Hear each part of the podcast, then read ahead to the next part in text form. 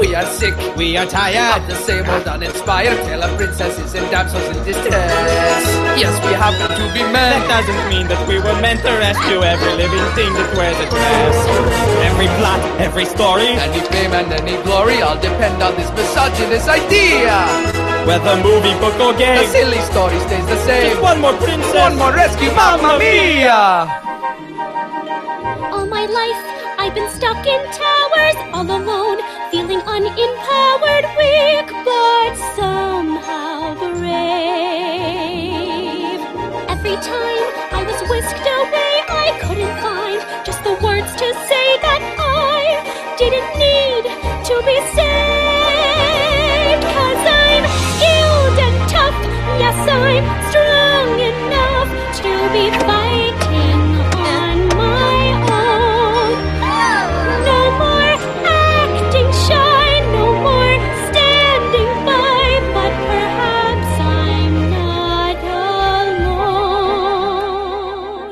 Kanskje er hun ikke alene, prinsesse Peach, her ifra Super Mario 3D World The Musical. Kjente du til den uh, musikalen, eh, Magnus og uh, Lars? Tror up. A difference. Vår venn har glemt å skru på lyden. For min egen del så har jeg ikke sett den. Nei, dette er en musikkvideo som jeg tror de, faktisk fikk støtte fra Nintendo til å lage sangen og musikkvideoen, og den handler litt om eh, dagens tema. Eh, det vi hørte i starten, var Mario og Luigi som sang hvor lei de var av å stadig drive og måtte redde disse prinsessene og damene i nød. Og så kommer da prinsesse Peach inn og synger om at eh, hun også er lei av å bli typecasta, og at hun er sterk og kraftig og kan klare seg sjøl i kamp mot monstrene. Det er nemlig kvinnedag spesial i dag i Lolbua. Eh, jeg har vært ute og gått i tog på kvinnedagen. Det regner jeg med at eh, dere òg har gjort, Magnus og Lars. Nei. Men eh, Magnus, du må, eh, vi hører deg ikke, men jeg kan prøve å lese på leppen. Ja, jeg gikk i eh, tog på kvinnedagen. Og Jeg tror Magnus skal finne fram iPhone-headsetet sitt eller noe sånt, for det der trådløse fancy greiene hans virker ikke. Og i anledning kvinnedagen så har vi i hvert fall fått uh, Vi har fått rekordmange gjester. Vi har fått to gjester i dag. Hjertelig velkommen skal dere være, Kristina Halvorsen og Stine Tordarsson Moltibakk fra spillpikene.no. Takk for det. Eh, fortell litt eh, om spillpikene.no for de som ikke vet hva det er for noe. Eh, Ja, jeg kan jo starte, så kan du bare skyte inn Kristina hvis du føler at jeg utelater noe. Eh, Det er jo en blogg der vi blogger om spill og spillkultur, egentlig. Basically. Og eh, alle vi som blogger, vi har en slags sånn akademisk bakgrunn. Vi har, eller vi har jobber med, altså underveis, da, en master om et eller annet spillrelatert. Nettopp. Og dere er, har dere begge vært med fra starten? For den har holdt på i ja, fire-fem år, er det det? Fem år nå. Fem år. år, ja. Mm. Ja. Men eh, nei, det er bare Maren nå som er igjen av de opprinnelige. ja. Jeg ble med i 2011, og Kristina ble med i Fjor. fjor. Ja. Så, Mm. så de andre som var med i starten, de har blitt spilldamene? Nei, vi er, vi er spilldamer, da, men eh, Ja. mm. Jeg skjønner. Men hvor mange er dere nå? Det er- fem-seks stykk? som- Fire. Fire som Fire. lager der. Og det, det kom jo Fordi når spillpikene kom, husker jeg, så var det jo eh, eh, Fikk jo litt eh, støtte, husker jeg, noe offentlig støtte og noen priser og litt sånne ting. Det ble jo gjort oppmerksomhet rundt at eh, det var, her var det dame da, som skrev om spill. Var det et, et gedigent savn etter noe sånt i Norge på den tida? Eh, jeg fikk jo med meg at Spillpikene starta opp, eh, selv om jeg ikke var medlem da. Eh, Mhm. Og da merka jeg jo på den tida at det var ikke særlig mange damer som skrev om spill i det hele tatt, som jeg så, da, så de gjorde det veldig synlig. Det kan hende det fantes, men det at de faktisk at det ble en egen blogg med kun damer, da, eh, gjorde i hvert fall at jeg ble veldig oppmerksom på, på at de eksisterte. Mm. Men, eh, men jeg merker jo at det har blitt flere nå. Jeg vet ikke om det er for at jeg er mer oppmerksom i egenskap av å blogge og spille enn det jeg var før, da, men det kan jo hende. Mm. Og så er det også det at vi prøver å gjøre det litt akademisk også, og det har jo også vært en utvikling som vi har sett de siste åra, at vi prøver å gå litt vekk fra bare de enkle spillanmeldelsene da, som har vært tidligere i magasiner og sånn. Men så er det jo litt sånn perling og matlaging og sånne hyggelige ting òg innimellom, har jeg sett. Ja, det er, det er egentlig veldig Maren som er pådriver på det. Ja, okay. og vi har slengt oss med for å merke at det er jo egentlig ganske, ganske gøy. Det er liksom bare det at det er Spilling er en del av hverdagen vår, og det er også mat og perling, så hvorfor ikke blande det? Og så er det det at det er veldig gøy å lage sånn spillrelaterte perleting og pynte litt og lage sånn kjøleskapsmagneter og sånn. Så liker det. Veldig bra. Eh, Lars, har du eh, fulgt nøye med på Spillpikene? Jeg har fulgt med på Twitter, men jeg har ikke vært så ufattelig mye inne på nettsida før jeg fikk eh, vite at vi skulle ha eh, rekordantall eh, gjester på Spillpikene samtidig. Så det, og dame, så jeg ble jo nødt til å sjekke ja, det. bare Nei, men det Ja. Jeg liker å høre at det er litt andre ting enn det som er på de her vanlige spillsidene. For min teori er jo at eh, Kjønnene er kanskje ikke så forferdelig ulike, men det er nå noen eh, ulikheter i interesser, vil jeg påstå. Og det får man jo se på nettsida deres. Det syns jeg er litt kult. Det blir litt Ja, altså- variasjon. Ja, en ting er jo at vi kan ha ting i det at eh, ja, flertallet av oss er jo ikke student lenger. Og vi jobber jo ikke med spill på heltid, eh, så da har man ikke så god tid å spille heller. Så vi føler at vi er en representant for dem som ja, har veldig mange andre ting å gjøre på. De som spiller sånn ja ja, vi får nå bare ta litt på fritida en gang i uka eller noe sånt. Ja. Men Føler dere at dere når ut til eh, damer først og fremst, eller er det mest eh, menn eller gutter som er inne og følger dere? Hva, hva er deres inntrykk der? Jeg føler det er flest jenter som kommenterer. Altså det er en, Men allikevel, så, så av følgerne våre, så syns jeg det er veldig 50-50. Mm. Så det er tydeligvis det- det- eh, Det er vel stav 50-50, det er vel det, er vel det man vil ha, er det ikke det, Lars? Jeg vet ikke. Spørs hva du Jeg vet jo, når jeg jobba i Game Reactor og sånne steder, så hadde vi jo statistikk som tilsa at eh, det lå på sånn 80% menn. Ja. Jo da, eh, de som snakker til meg om det jeg holder på med, er jo egentlig Hvis det er kvinner, så er det eh, mødre som trenger råd til sine barn. Det er veldig få eh, jenter som er unge og som spiller sjøl, egentlig. Som eh, leser de tingene jeg gjør. Og Jeg vet ikke om det er fordi det er få jenter som spiller de typene spill jeg skriver om, og det har jeg vel en liten mistanke om, egentlig. Men det opplever, du- du opplever jo vi for så vidt. Ja, Ja, Men at, Lars skriver jo om veldig mye Du skriver om veldig mye mobilspill og små indiespill og lettspill. Eh, Sånn typisk eh, Hvis man da skal kategorisere sånne typer spill som jeg gjerne ser damer spille på, på T-banen her i Oslo. Jo da, det har jeg gjort som en liten reaksjon. Ikke bare på at uh, man skal nå flere kvinner, men også fordi det er det mainstreamen gjør. Det er ikke så mange som sitter med Xboxen sin hjemme. De fleste er vel på sitt nettbrett eller eh, på PC-en på Facebook og spiller litt og, og den slags. Nettopp. Vi, skal, vi må ikke bruke opp alle temaene våre. Vi må eh, holde oss til vår stramme, stramt regisserte sendeplan. Som vanlig, vi har noen punkter vi pleier å gå innom i hver episode. Eh, Det første er jo der vi snakker litt om hva vi har gjort i det siste. Og da kan vi jo eh, starte med Lars, da, så dere hører hvor, hvor tonen ligger da, eh, kjære gjester. Og Lars, hva har skjedd siden ligger veldig høyt, for å si det sånn. Hva har skjedd siden sist? Altså Forrige gang hadde du jo drept et dyr som du kjørte på i Harstad. Det har vært mindre dramatisk denne gangen. Jeg har ikke drept noe som helst. Jeg kan jo si for de som ikke hørte forrige gang, at jeg drepte en reins, et reinsdyr eh, med bilen min eh, helt uten vilje. Da. Det var rimelig trist. Nå Eh, underbygger du alle sånne klisjeer om Nord-Norge. Der folk tror det går isbjørner i gaten og sånt. ja, ja. Hvis man skulle se det fra utsida, så var det jo på tide at jeg kjørte på et reinsdyr, egentlig. Så lenge jeg bodde i Nord-Norge. Men, eh, ja. Og, eh, men jeg kunne ikke drepe det, for jeg hadde ikke noe annet enn en sånn jern til å skru av muttera på, på bilen. Så den døde jo over natta. Men anyways, eh, ingen drap denne uka. Mye sløving og mye True Detective, og har vært på kino. Så den der forferdelige Robocop, den vil jeg ikke si noe som helst om.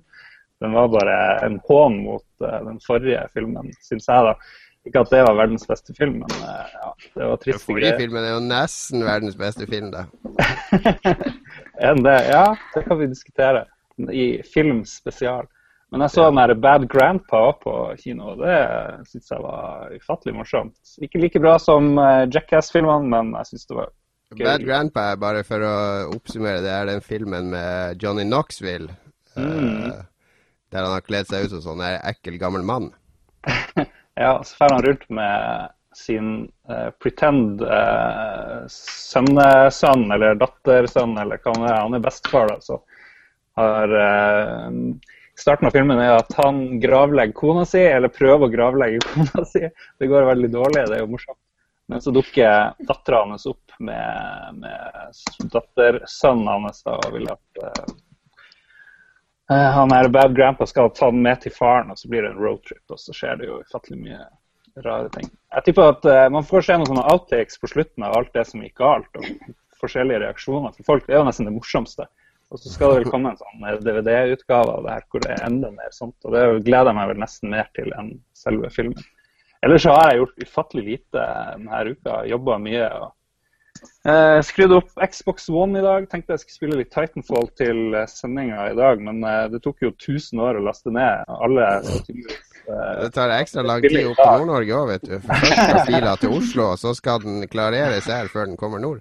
Jeg tror den er innom Russland og diverse, så det tar lang tid. Ja. Så Magnus, er du med oss nå? Har du lyd? Ja, eh, det hakker når jeg hører på dere, så det hakker vel når dere hører på meg òg, vil jeg tro. Er du low and clear her? OK, nydelig.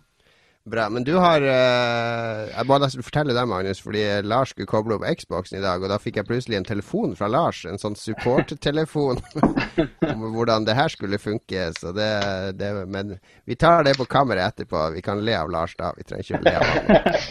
Det var jo et helt naturlig spørsmål. Tror Vi tar det etterpå, Lars. Eh, Kristina, skal hva, hva, fortell oss litt om hva som har skjedd i livet ditt i det siste. Ja, meg? Mhm. Ja, OK. For at Ja. Mm. Uh, nei, uh, skal vi se Jo, som masterstudent så går det veldig mye i det å dra på lesesalen og eh, eh, skrive masteroppgave. Så veldig gøy, det. Ellers så um, Uh, har jeg satt ny personlig rekord i, i tre kilometer uh, løping den siste uka. Ja. Uh, ja, hva, hvor, fort, hvor fort klarte du? Ehm, altså, nå skal jeg liksom bare først bare eh, klargjøre at jeg, jeg har alltid vært en sånn, sånn lat sofapotet, da, men for to år siden så fikk jeg noe over meg, og så bare begynte jeg å trene, og så nå, nå plutselig liker jeg det. Mm. Uh, så, så ja, det eh, eh, nå, nå løper jeg da tre kilometer på 15.08 minutter. Som, som jeg da tenker bare sånn der, Hvorfor kan jeg ikke nå gå tilbake til, til ungdomsskolen og bare vise læreren min at Se, jeg kan klare det på under 20 minutter! Men ja, you know. Og også har jeg sett uh, sesong to av House of Cards ferdig. Uh. Du må bare spoile slutten hvis du vil, fordi Jonas ser det hele. Nei, jeg har tre episoder igjen. Jeg, jeg har sett hele, så du, nå kan du spoile det. Ingen spoiling. Vi er spoilerfritt når det gjelder filmer og TV-serier her. Kun spill vi spoiler i Lolbua.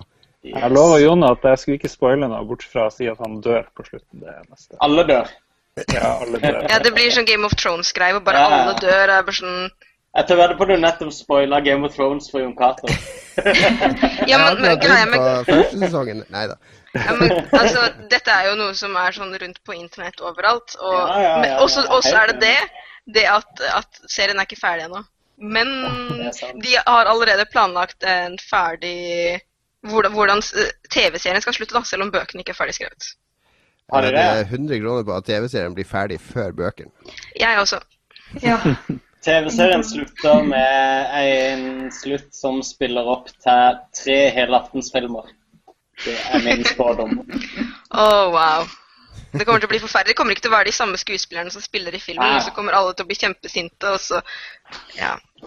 Jeg husker de løste det bra i Falcon Crest, der det var en annen som skulle dø. Uh, dette er et av mine viser du din alder, Lars. Vi har jo med unge damer her som uh, Nå sitter og googler Falcon Crest. Så unge er vi ikke alle sammen, nei. Okay. Falcon Crest var liksom før, var det før dynastiet. Det var iallfall samtidig som dynastiet. En av de første var Den en kom som som en arvtaker til dynastiene når det var pause i dynastiet, husker jeg. Så prøvde Ja, det var det. Stemmer. Med var det Angela Channing. Døde, og så kom han tilbake, så var han en halv meter høyere og blond. Det var mye plastiske operasjoner. Du Ja, husker det jeg var- det lærte jeg fra de seriene der at eh, hvis jeg kom i en ulykke og sånn og ble skada i fjeset, det var ikke noe problem. Det eneste jeg var, jeg var litt sånn redd for at jeg skulle bli seende helt sånn rar ut. For man kunne jo ikke kjenne igjen disse personene etter de hadde tatt sånn plastisk operasjon. De hadde jo fått helt ny kropp og hårfarge og hudfarge og alt. Det var helt absurd. Magisk teknologi på den tida der. Men eh, Magnus, hva har du gjort i det siste, da? Eh, Bortsett fra å spille, spille Xbox og PlayStation 4, som, som Magnus jo kjøpte for halvannen uke siden. Spør du meg nå? Ja, ja, ja. Ja, det hakker fremdeles litt, så det er noen ord som faller ut. Nei, eh, jeg har jo st- stort sett gjort det, da. um, jeg fant jo ut at eh, det var jo en ny type narkotika som het Battlefield 4, som lå og lurte der. Eh, så det har jeg egentlig forsvint meg både det den siste uka, i tillegg til å gå en del på skole og sånn. Så jeg, jeg har ikke hatt noe liv denne uka. Ingenting å fortelle. Ingenting å fortelle. Nei. vel. Jeg kan jo fortelle meg, jeg har jo vært eh, Jeg var i London på sånn Titanfall-event, og der uh, hooka jeg opp med en gammel venn av meg som heter Klaus, som jobber i eh, Konami i London. Han jobber med Pro Evolution Soccer der. Som jeg ikke har sett på mange år. Eh, og nå eh, skal man jo i pressen være litt sånn forsiktig med å omgås for mye sosialt eh, folk som jobber i distributørene sånn. Men akkurat Klaus han prøvde, Jeg og Tore Sand, eh, som er oversetter for mange spill i Norge, vi prøvde å starte et sånt spillblad for ti år siden. Jeg og Tore og Klaus Ganer. da, Vi lagde til og med layout og masse eksempelsider, ja, men vi fikk aldri napp hos noen publisher. Men så jeg kjenner jo Klaus ganske godt fra før av. Men det som er morsomt med å møte folk som jobber, eller som man kjenner ganske godt, som jobber i spillselskap, er jo at etter noen øl så får man jo en veldig sånn usminka sannhet av hvordan jobben deres er. Sånn veldig off the record. Så man får uh, Det var veldig artig å få mange historier om ting han hadde opplevd i Konami, da. Eh, eller i bransjen generelt. For det er jo eh, Det virker veldig ryddig. Fasaden er ofte veldig ryddig, men på innsida så er det jo et, et svare kaos av ting og tang og folk og fe og eh, Ja. Det var en veldig artig kveld for meg, da, i hvert fall. Jeg jeg du må fortelle litt flere detaljer her, Jon. Jeg blir nysgjerrig. Nei, det har han, han jobber jo veldig tett med mange japanere, og du som har bodd i Japan, Lars, du vet jo litt om hvordan japanere er å jobbe med, og det er jo ikke alltid like lett. Nei, det er vel litt kulturforskjeller. Det er vel det det, er vel det, det går i, tipper jeg. Men eh, jeg jobba jo ikke mye. Jeg jobba på en eh, hostess slash strippeklubb i en uke. Det var vel eh, så mye jeg klarte meg i arbeidslivet der. For å si det sånn. Hva, hva gjorde du der?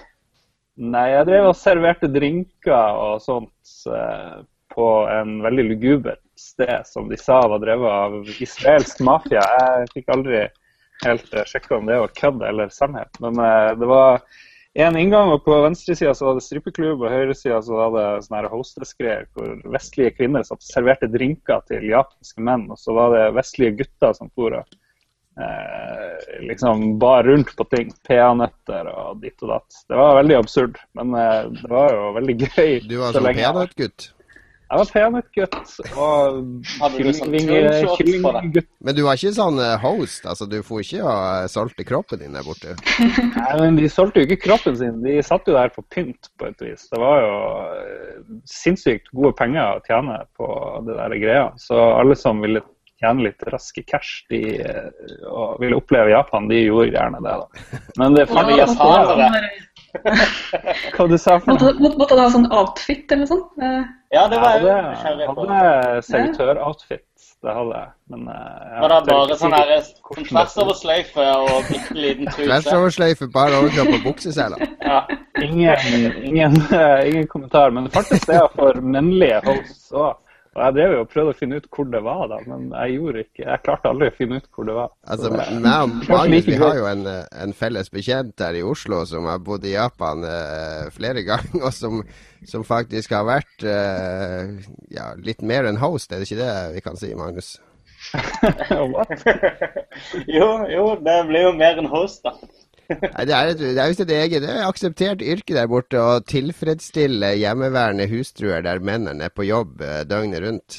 Eh, det er, er visst helt legitimt å bli lista opp i sånne egne kataloger der de kan ringe og bestille tjenester hjem til seg. Så, så han, eh, han, han var helt ærlig om at det hadde han gjort der borte. Så det et veldig, et veldig moraldynamisk samfunn der. Det er en annen moral og en annen kultur. Vi kan vel konkludere med det. Eh, Det blir mye å snakke bare- om uh, senere her, tror jeg. Da har vi bare deg igjen, eh, Stine. Hva, Ja. hva har skjedd i livet ditt i det siste? Eh, nei, eh, på kvinnedagen så var jeg jo på sånn eh, deltaker på sånn debattpanel. Eh, der da spill var hovedgreia. Mm. og da var det jo litt med spill og hva slags skumle konsekvenser den kan ha for barn og unge. Uh, Litt sånn standardvinkling. ja, standardvinkling. Uh, Men hvorfor men- snakker de om bare det på kvinnedagen, liksom? Det Nei, altså Det var jo andre ting som var tatt opp underveis. da, Uh, Ok. Ulike foredrag og sånn. Men eh, akkurat debattpanelet handla altså, da tok utgangspunkt i en sånn film da, av ei som heter Tone et eller annet. Again' heter den i hvert fall. Mhm. Kommentar. Eh, der man ser på sånn amerikanske kids som spiller masse, og så skal de få komme seg til naturen, for det har de aldri vært før. Og det er fantastisk og magisk. Eh, så ja, det var jo interessant. Eh, og så, ja har jeg Hva har jeg gjort ellers, da, mon tro? Runda True Detective. Ja, men den skal vi heller ikke snakke Ja, men vi før. kan, Nei, vi skal kan vel ja, men Kan ikke noen få lov å si hvorfor de liker den serien? da? Man spoiler jo ikke noe der. Det er jo det er en slags religion der. uh, True Detective. Jeg kjenner ingen som ikke ser på det, tror jeg. Bortsett fra du, Jobb. Som, uh... Ja, jeg ser jo på det. Bare, jeg, må, jeg ser litt treigere enn alle andre, for jeg må legge tre unger først. Og så må kona være hjemme, for hun vil se sammen med meg. Så det er jo snakk om Nå sitter jeg jo her og snakker med dere i stedet for å se True Detective med henne. Du må jo bare se det i skjul, Jon Cato. Det er den eneste. Så sier- Og så blir det liksom aldri noe. av. Det er du som må initiere det uansett. Så sier du at det, ja ja, vi må få sett True Detective en dag. Så, så foreslår du å se noe annet. Det kommer seg, det kommer seg. Men bare snakk om det, dere. Så bare mute jeg lyden her litt, og så kan du, Lars, vinke når dere er ferdige. Nei, om Vi har allerede snakka om eh, True Detective tidligere. ok, ok. ok. okay. bare Vi, deg eh, vi skal innom noen sånne temadiskusjoner underveis, og jeg tenker vi kan ta den første nå før vi tar lytterspørsmålene. Jeg tenkte vi skulle snakke litt om kvinneroller i spill. Fordi greia med Vi satt jo det her til å være litt sånn kvinne- og spill spesial. Og det er veldig sånn omfattende tema, og ofte når det blir diskutert på nettet, så blander man inn alt mulig i en sånn lapskaus, og det blir veldig sånn vanskelig å fokusere på de ulike enkelttemaene. Og jeg syns i hvert fall et sånn viktig enkelttema det er hvordan kvinner portretteres i spill. Eh, altså, de har jo fra prinsesse Peach sin tid, så har det jo vært eh, kvinnen som skal reddes, som er hjelpeløs, som er et offer. Til eh, nå i dag der de har eh, kanskje fått mer hovedroller, men ofte veldig sånne uh, oppseksa og eh, hvis du, hvis du spiller et fantasyspill med en dame, så har hun på seg rustning, men den rustningen er jo en tiendedel av den rustningen som en mann får lov å ha på seg, fordi den skal helst bare dekke viktige deler som litt av låret hennes og litt av leggen, og så skal resten være synlig. Det er den som egentlig må sensureres hvis den vises frem. For eksempel, ja. Så hvordan, er- hvordan er det med Altså, når dere eh, i Spillpikene spiller spill, er det sånn at dere søker etter å identifisere dere med de eh, dere spiller? Er det like lett å identifisere seg med en mannlig spillfigur som en kvinnelig, eller savner dere mer eh, kule kvinnelige hovedpersoner? Altså, det går jo fint å identifisere seg med menn, for så vidt, men det jeg syns er greia, da eh, Det er jo mer det at eh, det er litt sånn surt å se kjønnet sitt representert på den måten som det ofte blir. da. Det Mhm. er sånn foruretta, og ah, det er ekstremt lite kult, tenker man. Hva er det siste du ble fornærma av? Husker du det? Eller ikke fornærma, kanskje, men ja. Uh, det, var, eh, det har ikke vært spill fra lenge siden jeg har spilt spill i den sjangeren, da. spilt masse indie i det siste, det er ikke så mye sånt der. Nei, det er ikke det. Ja, jeg har spilt uh, The Witcher i det siste. Jeg bare syns det er ganske relativt uh, håpløse kvinnekarakterer uh, der. Det er greit nok at, eh, at noen av dem har litt sånn De kan ikke, ta vare på seg selv ved at de har et slags yrke. Men altså, det der, den kortsamlinga i, i The Witcher Ja, det, det, Eh, altså, Er det det, sånn det ja, det, det var Ja. utrolig erketypisk objektivisering av kvinnen, hvor du liksom re eh, resulterer henne i et, et kort som er veldig vulgært også. Så ja, det, det, det var flott. Men har det blitt bedre med årene? For jeg, jeg husker jeg skrev om det her i en kommentar en gang i 2010, og da var det sånn relativt håpløst. Men så tenkte jeg i fjor så Vi hadde jo f.eks. det der eh, David Cars-spillet med, med ganske sterk kvinnelig hovedperson. eh, veldig bra portrettert av Ellen Page. Og så hadde du jo selvfølgelig Last of Us med Ellie, der jeg syns personlig det sterkeste delen av det spillet, det var når han eh, eh, spoiler, når han hovedpersonen ble såpass skada at du plutselig måtte styre Å, henne ut på jakt og sånn. Og, eh, og eh, hun, hun syns jeg var en kjempekul karakter å bli kjent med, med, med Helt definert på sine egne premisser. Ikke for at hun skulle være i skyggen til han hele tida. Hun var egentlig mye sterkere enn han gjennom store deler av spillet. Så, så har det blitt eh, bedre, syns dere det? Eller har det blitt verre?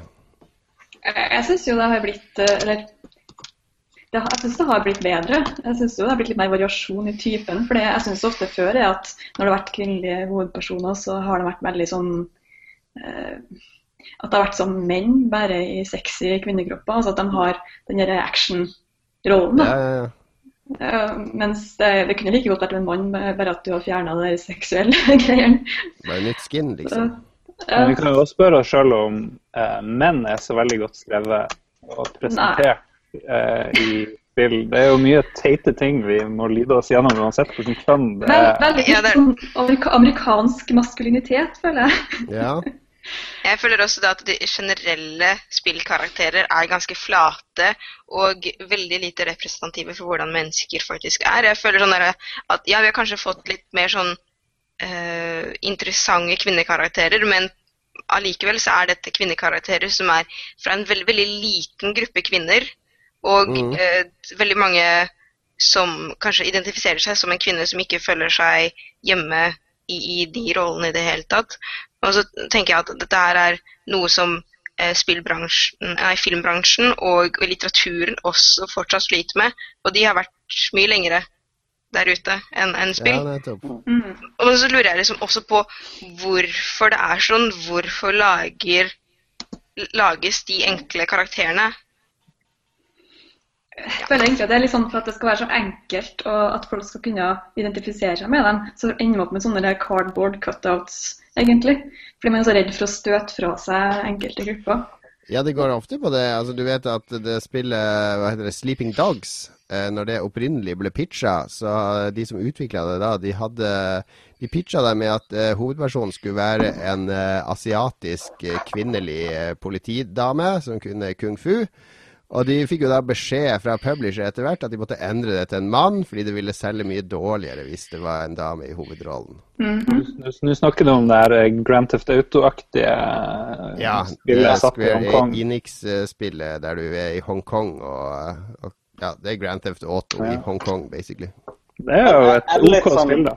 Jeg blir sånn at vi evaluerer hovedpersoner. Altså Hvis de er menn, så føler jeg de blir evaluert, eller i hvert fall at vi måler de ut fra personligheten sin. Altså Hvis de har, hvis de har svakheter eller styrker, så sier vi ja, det, det henter han i sin personlighet. Men hvis det er kvinner, så er det gjerne så henter du de kjønnene de sitter. At, er, at du dømmer de ut fra kjønnet. Eh, det er kanskje forskjellen på kvinner og menn i spill, føler jeg.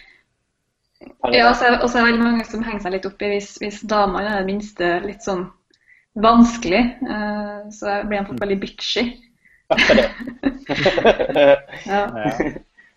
Det blir, blir nok lettere dømt av kjønn. Og menn skal også De skal jo være så utrolig maskuline. Altså, jeg syns jo ofte at menn er de som er dårligst portrettert i spill, for de blir så utrolig endimensjonale. Og hvis du ser på f.eks. Uh, The Tomb Raider som kom i fjor, med Lara Croft, som jo Ja, basically der Det er jo et uncharted-spill, ikke sant, det òg. Men eh, fordi hun er en dame, så får hun lov å spille på et mye bredere følelsesregister. Hun har lov til å bli redd.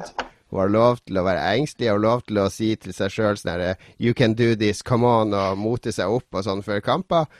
Mens det hadde aldri Nathan Drake fått lov til, fordi da hadde spillerne sett på han som en, eh, en pussy, altså en feiging. eh, Han hadde ikke vært tøff nok. Mann deg opp, ikke sant? De prøvde jo det i Far Cry 3. Der hadde du han Jason Brody som de første ti minuttene var kjemperedd. Og så plutselig, sånn over natta, så er han blitt eh, mer hardcore enn Rambo. Det gjør Så- jo, eh, det gjør jo Lara Croft òg, egentlig. da. For å si. Jo, men, nei, men hun holder, hun holder den der eh, de, monologen sin i gang gjennom hele spillet. For hun snakker med seg sjøl gjennom hele spillet, og liksom moter seg sjøl opp gjennom hele spillet. Og det får de jo kun lov til fordi at hun er en dame, og da er det lov å vise den eh, svakheten, eller den at du ikke har sånn Til en viss 100 grad. klokkertro på deg sjøl. Hun friker jo ut Hun friker ut når hun dreper den første fyren, og så dreper hun 1000 til, og så begynner hun kanskje å lure på hva hun holder på med. Ikke, Hun blir jo en psykopat eh, som alle andre actionspillhelter. Det blir hun til slutt, men eh, Men, men du ser det en, en del når det gjelder kropp òg. Eh, ofte er det sånn japansk spillere utvikla spill der er gjerne mennene eh, tenderer da, mot å være litt mer feminine, eller de har enkelte sånn feminine karakterer inn. Eh, hva het han i Metal Gear Solid nå igjen som ingen likte? Eh, Raiden ja, det var mange. Å, se på kroppen, den wimpy kroppen hans, liksom. Eh, emo drittfyr. Ja, androgyne japanere, det er jo Mm. Men, men eh, ja, når du er inne på japanske spill, de har jo en helt egen I hvert fall uh, JRPG-er. De har jo en helt egen måte å skildre kvinner på.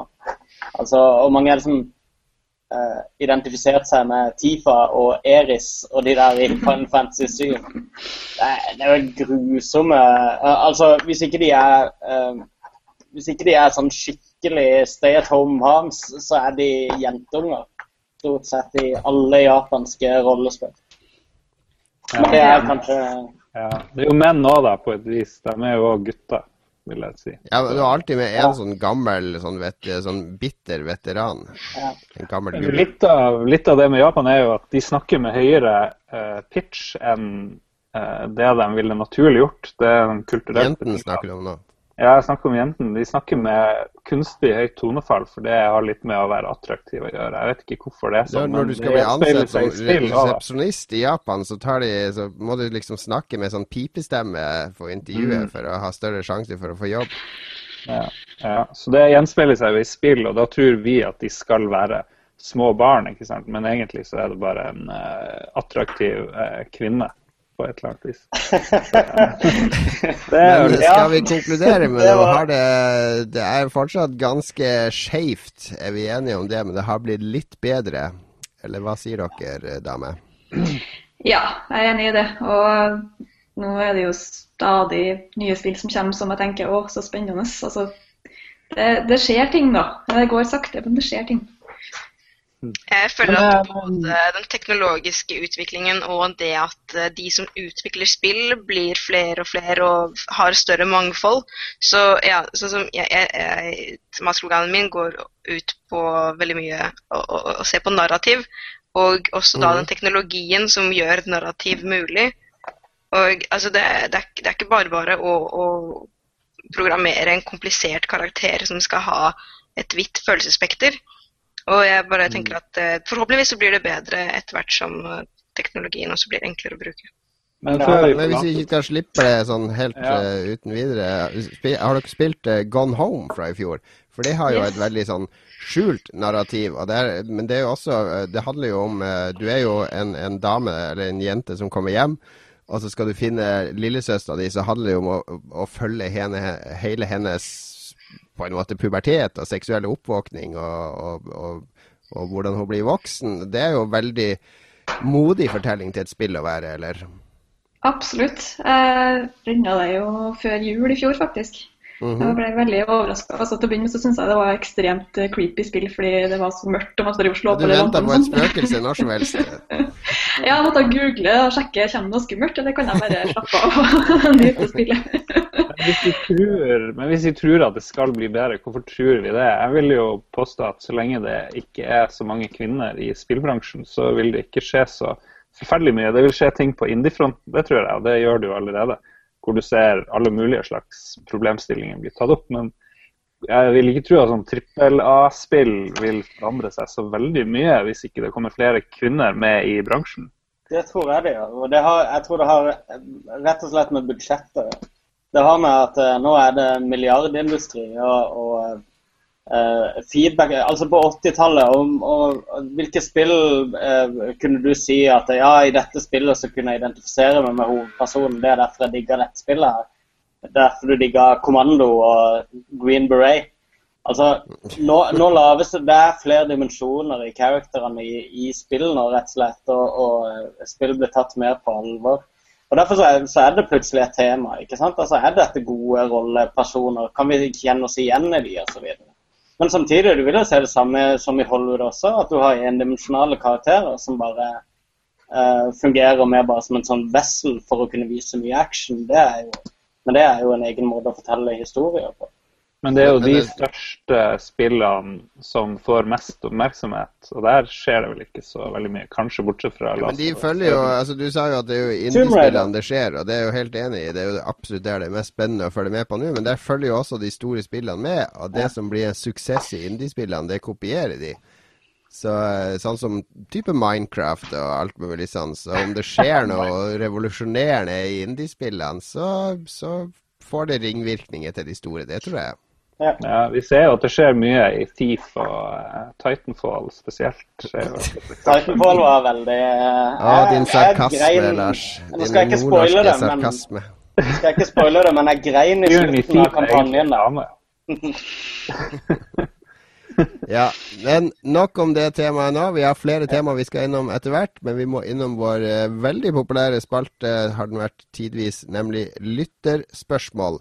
Vi får nemlig inn eh, mange ting som de vil at vi skal snakke om eh, til hver episode.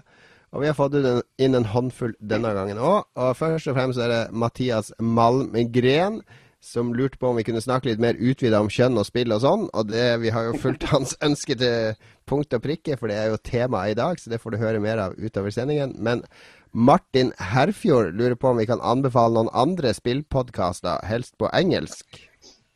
Altså Han vil at vi skal anbefale de på engelsk, ikke engelske spillpodkaster.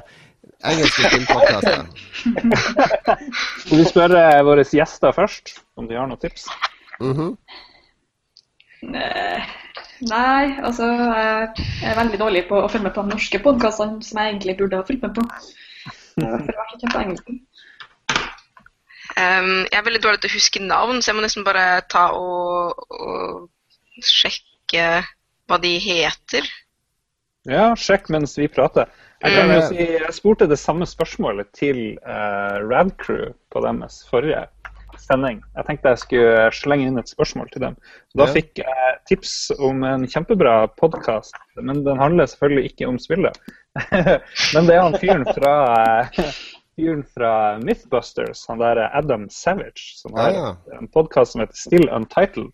De varer bare i sånn 30-40 minutter, de episodene, men de er kjempebra. De snakker om alt mulig fra science til eh, spesialeffekter på film. Han, han der Adam Savage har gjort spesialeffekter på Gravity f.eks. Så han har en hel episode hvor han snakker om eh, hva som skjedde bak kulissene der. Og, Kult. jobba på mye forskjellig. Så det var en kjempe, kjempebra podkast. Ellers så hører jeg hele tiden hver uke på eh, en som heter Player One-podkast, som er veldig lite kjønnsfordelt. Der er det kun menn som sitter og prater, men de er veteraner i industrien og spilljournalister. Som er veldig OK. De har òg en fyr fra Nord-Norge. Deres Nord-Norge han sitter oppe i Alaska, så det er litt morsomt. De gjør narr av han òg. Og så det den siste, den siste jeg vil anbefale, er en som heter 84 Play, som er en gjeng i Japan som driver og oversetter spill. Um, og har veldig godt innblikk i hva som skjer der nede. Eh, og har mye inside-gjester og sånne ting. Så den, Den har jeg eh, hørt litt på. Den er litt masete til tida, litt for lang til tida, men eh, den er eh, mye kul, kul info de har. Lang og masete, akkurat som vår. Akkurat som vår. Nei, jeg har jo knapt nok tid til å se TV-serier, og langt mindre tid til å høre på podkaster, men eh, bortsett fra 84 og eh, selvfølgelig Red Crew, Norges nest kuleste podkast. OK, kuleste, da. Vi er ikke like kule som Red Crew ennå. Eh, så hører jeg på eh, Eller jeg brukte å høre veldig mye på en som heter One Life Left. Som er en eh, britisk podkast med Steve Curran og Anne Scantlebury og Simon Byron. Og det som er kult med den, er at Steve Curran han jobba i Edge i mange mange år. Og så begynte han å lage spill istedenfor, og så starta han en podkast. Og de har holdt på i syv år. Og Anne Scantlebury hun, kan egentlig, hun er egentlig ikke spillinteressert i det hele tatt, men hun ville være med og lage podkast. Og han Simon Byron han jobber med promotering av spill der nede. Men de har, eh, de har utrolig sånn kul humor. De anmelder spill i hver podkast, og alle spill de anmelder, får syv av ti. Fordi det var jo Det er jo standardkarakteren som alle gir når du ikke vil si fuck you til utgiveren, men heller ikke vil uh, gi det for høyt. Altså, ingen spill Syv av ti er den mest meningsløse karakteren av alle. Det er terningkast fire. Fire av seks. Eh, Det er for å være snill. Men, men de har en utrolig kul humor, og så har de funnet på så mye kult. De har hatt eh, standup om spill. De har eh, nylig lagd Steve Curran hadde en kickstarter for en, et karaoke-kortspill. Eh, som hørtes kjempekult ut. Så de, de er forkjempere for alt mulig eh, morsomt og alternativt i spillkulturen. Så, så det, det er en podkast jeg syns er veldig morsom å høre på. One Life Left. Har du funnet ut av noe, Kristina? Eh, Ja, jeg fant den ene i hvert fall, som er Rev, også tretall, Rev 3 Games. Mm -hmm. uh, der uh, har de en del liksom uh, De har en del sånn morsomme ting.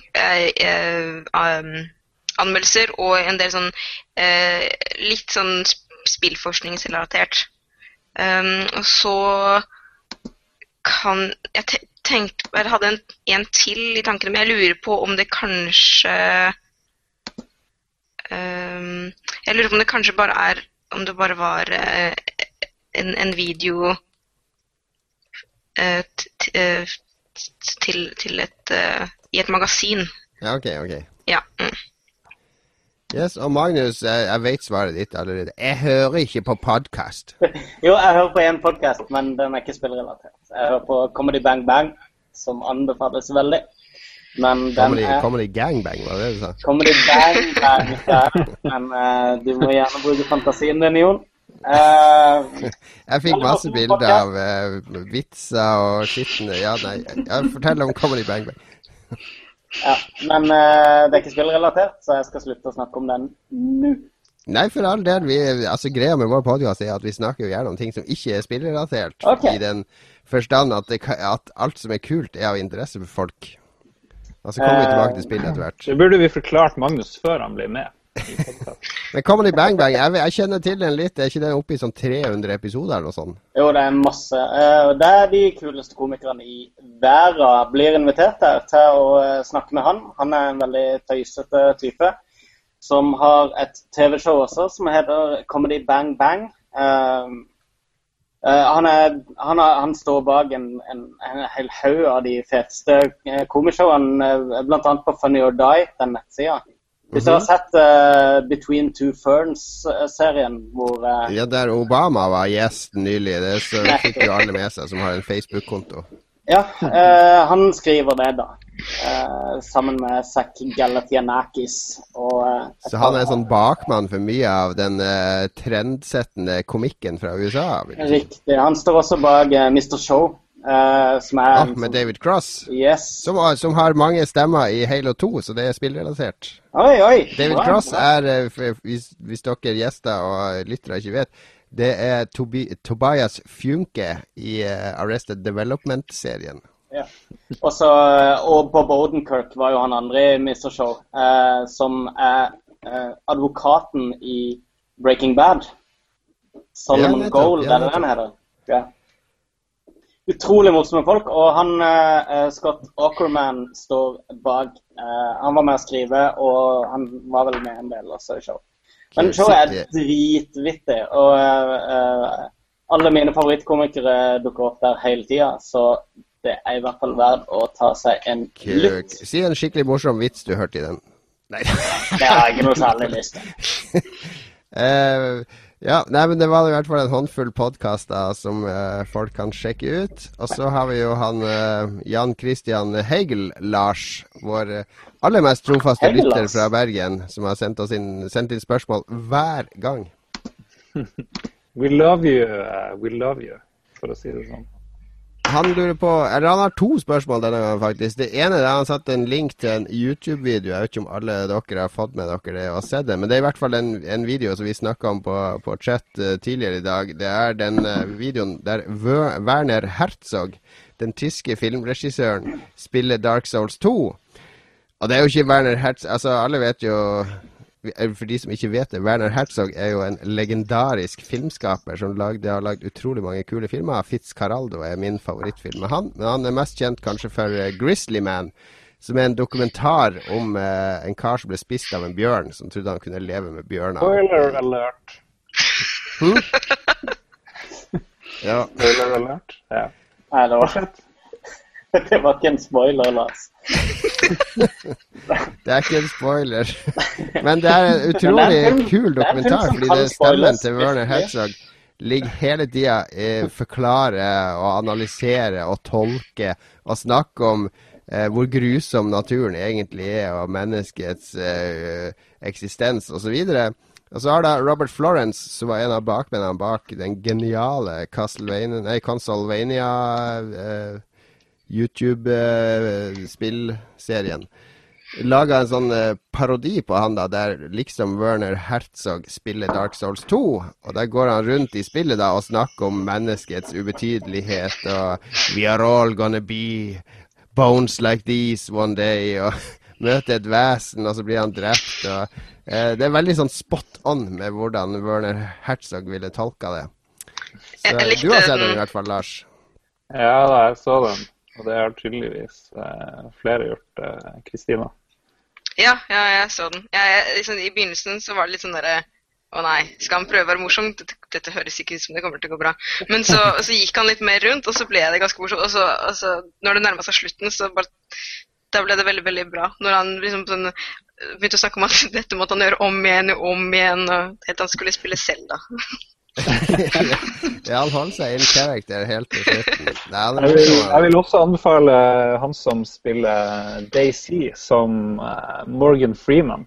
Eh, Born Free, eller hva han kaller seg for. Han går hele tida og snakker om sine gamle roller. Så når han retter andre folk, så har de tydeligvis sett de her i YouTube-videoene. Så bare Oh shit, it's Morgan Freeman. Og så, skal han legge, så ber han folk sette seg ned, og så skal han fortelle en historie og ditt og datt. Men av og til så er han ikke så flink å fortelle en historie så har en de igjen. Men han er jo den ultimate fortellerstemmen. Altså, hvem, hvem ville du hatt eh, i livet ditt, eh, Magnus, til å, til å være fortellerstemmen i ditt liv? Nei, Freeman er, han er et godt, eh, godt alternativ, vil jeg si. Eh, du har også han eh, Hva heter han eh, eh, som er i nesten alle cowboyfilmer? Blant annet, men også Big Lebowski. Han eh, gamle mannen. Svære bak. Ja, han eh, strangeren, han som sitter i baren. Han hadde fått lov til å narrate livet mitt, tror jeg. Jeg ville hatt han der eh, Sti Stine, hvem skulle narrate ditt liv? Jeg sitter og tenker veldig hardt på for jeg visste at du kom til å spørre meg om det. Eh, og det er kjempevanskelig å tenke. Må jeg finne på ei dame? Må jeg dame? Ja. Eh, Ja, men- det, det, jeg satt og tenkte på det, og det finnes jo egentlig Jeg kommer ikke på noen sånn sånne der, eh, Hvem er det veldig som, markante eh, damenarrativstemmer. Hvem er det som narrater Fable 2? Ja, du, det er jo der hun sjefen til James Bond, Yes, hun der er Jude? Dench. Yes. Hun, hun har veldig kul, kul stemme. ja. Herregud, hun løfta. Introen til Fable 2 er sånn I min spillhistorie er den veldig Den er høyt oppe, altså. Gå for henne, Stine. Ja, Ja, det det. syns jeg. Veldig bra valg. Kristina. Um, nei, altså Jeg har sett mye på House of Cards i det siste, så jeg liksom tenker Märtha Louise. Kevin Spacey. OK. jeg, jeg tenkte på Kevin Spacey, men siden jeg, kanskje det var kulere å velge en dame, så kanskje Robin Wright, er det det hun heter? Hun som spiller Claire Underwood. mm, ja. Ja, ja, ja. Det er en god idé. Absolutt. Fet stemme. Hvis, hvis jeg fikk velge for Magnus, så ville jeg valgt at han skulle hatt stemmen til han der eh, i politiskolen, han Bob Braithwaite. Han- Hele tida. Du vet han der som pitch, har sånn pitch opp og ned. I hodet hele tida. Det tror jeg hadde vært eh, ekstremt ubehagelig. Men jeg tror jeg, jeg hadde gått for han der eh, Iren som har laga den eh, Story of Film-dokumentaren. Oh. Som jeg elsker overalt på jorden. For han har fantastisk dialekt, og så prater han så sakte og rolig at, eh, at, eh, at jeg blir litt sånn Går inn i en litt sånn eh, medit meditativ fase. Jeg tror siden det, Du, Lars, fikk du svart? siden det er kvinnesending, så tror jeg jeg ville valgt Linni Meister, tror jeg egentlig. Det hadde du ikke holdt ut lenge. Nei, men jeg blir litt fan Eller av kan ikke henne. du ta henne der fra Harstad, som, du, som dere skriver om i avisen din hver uke? Sofie eh, Elise som med i bloggerne. Andreassen. Eller hva Isaksen? Hva heter det? Isak? Sofie Elise. Nei, hun gidder jeg ikke. Og. Sofie Elise. Nei, det Barbie- jeg. Barbie-dama. Jeg ville hatt Ja, hun der bor jo eh, i samme by som Arstad. Nei, som Lars. Ja, jeg ville hatt uh, ja. han der uh, The Voice, han der uh, trailerstemmen, han In a World. Hvis Ja, dere har sett eh, eh, reklamen til eh, The Comedian, eller hva det er, en sånn her uh, fake-dokumentar, eller hva det er, med Jerry Seinfeld, så er det en veldig bra trailer hvor han er eh, The Voice, han som hadde stemmene på alle reklamene før i tida. Han prøver å lage reklame til The Comedian, så begynte han med In a World. Nei, nei, det kan ikke begynne med In a World.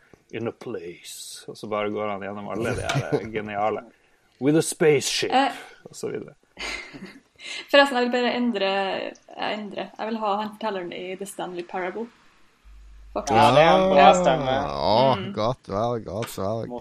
Jeg, jeg liker det hvordan, han er, hvordan Jan Christian ba oss om å se den her videoen og analysere den. Og så har vi bare spunnet det til, til at vi skal finne Fry. fortellerstemmen i livet vårt. Stephen Fry er en bra fortellerstemme. Little Big Planet. Mm. Ja, han er Ja, bra. Stephen Fry òg er Ja, er jo Herregud. Det er så mange bra å velge mellom. Ja, nå er det plutselig vanskelig. Må vi velge nå? Når blir den filmen Men eh, hvis vi skal gå videre Det var en utrolig morsom eh, diskusjon der. Vi kunne egentlig via et helt program til fortellerstemme. Merker jeg jo nå. Men Jan Kristian har et, et spørsmål til. Der han lurer på om det er noen forskjell på hvordan kvinnelige spillere blir uh, oppfatta eller behandla, tror jeg han mener, i Norge enn i USA, f.eks. Har vi peiling på det, vil jeg spørre tilbake. Ja, la oss spørre våre to eksperter. Har dere noe inntrykk av at det er forskjell eh? Altså, jeg, jeg har ikke inntrykk av at det er noe særlig forskjell sånn eh, landmessig. Jeg føler at eh, det er ganske mye likt. Men jeg føler at sånn fra person til person så tror jeg det er litt forskjellig fra hvordan folk blir mottatt. Sånn som eh, Jeg har aldri følt meg eh, sånn avvist av spillmiljøet sånn personlig, men jeg har følt ganske mye motstand mot det å, å tenke utenfor boksen og det å sette spørsmål f.eks. da ved karakterene og hvor er kvinnene, for Mhm. Det har jeg alltid liksom eh, fått beskjed om at eh, er det noe vits i å bry seg om da? Kan du ikke bare spille, spille, liksom? Mm. Uh, Istedenfor å ta tak i det. Og, Ja, nettopp. jeg, jeg, eh, jeg, altså jeg, jeg leser en del eh, blogger da, fra amerikanske kvinner som spiller eller er i spillmiljøet. Og de, de har både opplevelser som det at de eh, Det derre å bli tatt seriøst som eh, en spiller, da, altså at ikke de, de, at ikke de faktisk er interessert, at de vil ha oppmerksomhet i stedet og den greia der. Um, men det er også sånne ting som jeg har hørt om her i Norge. Så Men jeg vet ikke hvordan kvinnelige spillere blir eh, oppfatta i Norge, egentlig. Så spørsmålet tar utgangspunkt i at du vet hvordan man blir oppfatta i Norge også. Jeg vet ikke. Eh, Nei, altså um, Som Altså, man får, får veldig mye oppmerksomhet. Eh, eh, da jeg var yngre, så eh, eh, jeg, jeg var på et sånt fint eh, forum, Nintendo-forumet. Eh, hang jeg sammen med, sammen med venninnene mine. Fordi jeg, jeg vokste opp sammen med tre andre jenter som også spilte. Så for meg så var det liksom bare helt normalt at, at jenter Mm. spilte. Så det var liksom ikke noe spørsmål med det før vi eh, kom litt sånn opp i tenårene, og, og det skulle bli sånn guttegreie og jentegreie. Eh, men ehm, eh, nå føler jeg at det Altså, det, det er blitt mer normalisert å spille, men allikevel så får man en ekstra oppmerksomhet som kvinnelig spiller, at det er veldig mange som, som setter spørsmål ved det. Og um, altså, syns det er litt sånn um, kult. Og jeg, jeg, tror noe av det er det som også gjør det litt vanskelig. Det at, at um, det er mange jenter som spiller, som ser på seg selv som annerledes, og de setter seg i en sånn bås som at jeg er ikke som andre jenter.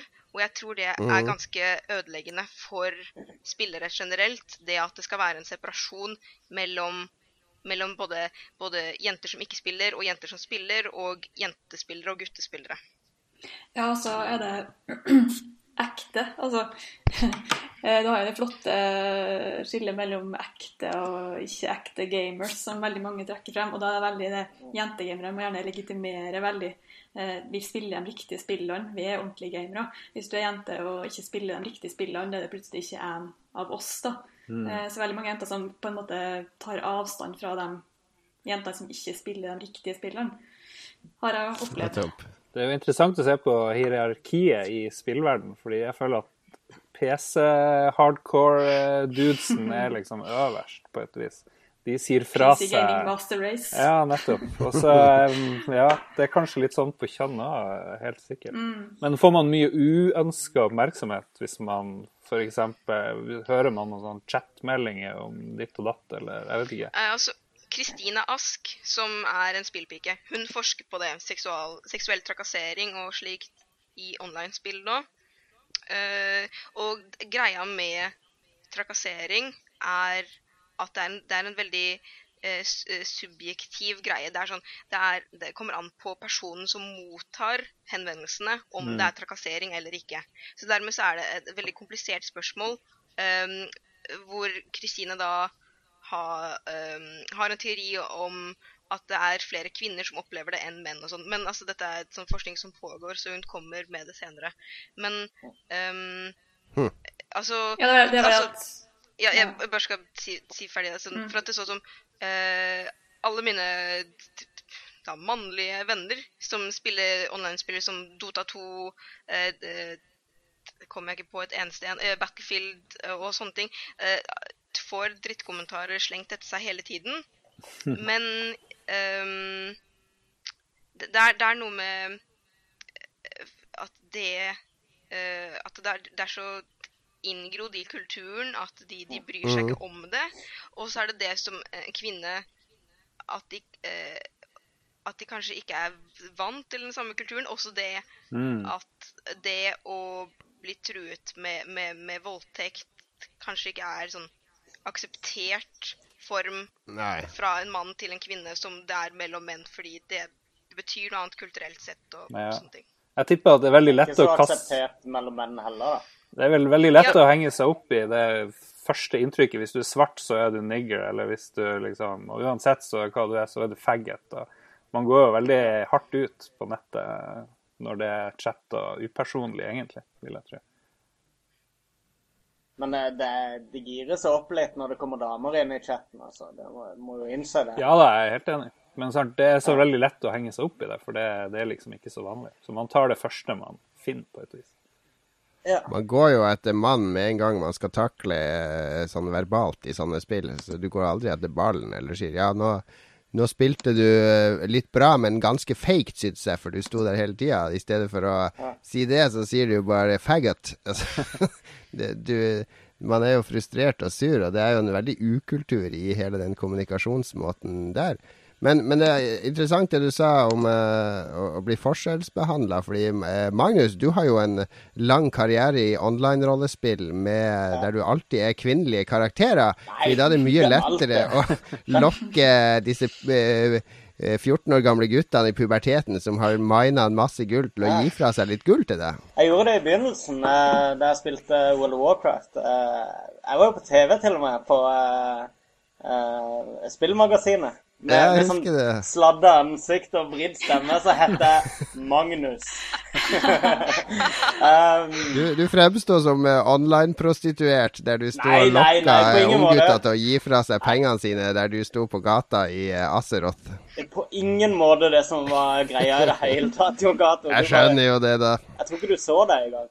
Men det det handla om da, var at uh, eh, eh, World of Warcraft Vanilla var det så stress å skaffe penger i. Så vi fant ut at uh, i stedet for å drive og farme penger hele veien, så, så var det egentlig bare å lage en damekarakter og late som du var ei dame, og bruke noe emoticons. Så, så kasta folk penger etter det. Det var, det var helt merkelig, det. Det har aldri vært så lett å spille et spill. Hva sier du? Jeg, var, jeg har prøvd det sjøl, og det funka som bare det. Ja, det, det var helt absurd, men jeg, jeg tror kanskje den gullalderen der er litt over nå. Men, men det, det funka Det, det var tidlig ut. det er ikke like erotisk spennende å, å skrive skråstrek dance og stå inntil en sånn eh, kvinnelig alv som, eh, som danser på skjermen lenger. ja, ja, det var ikke så mye det, da. Men du bruker ord som cute og sånne ting som det der, ikke sant? Som kanskje ikke en mann normalt ville brukt, ikke sant? Og da ramler det inn penger. Så det, Det er litt morsomt, fordi liten du vet eh, Eller litt, litt bransjehistorie fordi i Nordisk Film eh, Det er de som distribuerer PlayStation i Norge. Der er det en som heter Nils Bråfeld som jobber, og så er det en som heter Kim Hendrix. Og de har masse kontakt med Sony i England for å få ting og sånne, sånne greier. Men når Nils driver og mailer de, så får han alltid sånne bryske svar. Men så når Kim driver og mailer de, så får han alltid sånne lange og litt sånn flørtende fl svar. Fordi alle de her engelske folkene på kontoret, de tror jo at Kim Hendrix er en dame. For han har jo et damenavn. Så første gang de dro ned dit, og endelig skulle de få hilse på hun der Kim fra Norge, så da ble det slutt på den særbehandlinga han alltid hadde fått på mail i et halvt år. Ah. Ja vel. Men jeg, jeg kan bare Yes, si det, Avs av, avsporing igjen, men uh, det er avsporingen vi lever for her i Lolbua. Vi har uh, Øyvind Hatleskog, vår uh, faste e-mailinnsender, som nå har gått over til Twitter, som uh, syns det er morsomt å se hvor mange, særlig menn, som lar seg provosere av kritikk av kvinners fremstilling i spill. Har vi noen tanker om hvorfor et sårt tiltrengt feministisk blikk på spill provoserer så mange? Hva tenker dere i Spillpikene? Hvorfor Det blir alltid Altså, jeg skrev et par kommentarer i Aftenposten om kjønnsfordeling. Eh, hadde jeg nå denne uka, men jeg har gjort det før òg. Og det, det er de kommentarene mine på Aftenposten som Det er bare som å åpne en sånn der eh, dør til kloakken. Det bare renner inn automatisk. Ja, det er skikkelig Hvorfor gjør det det?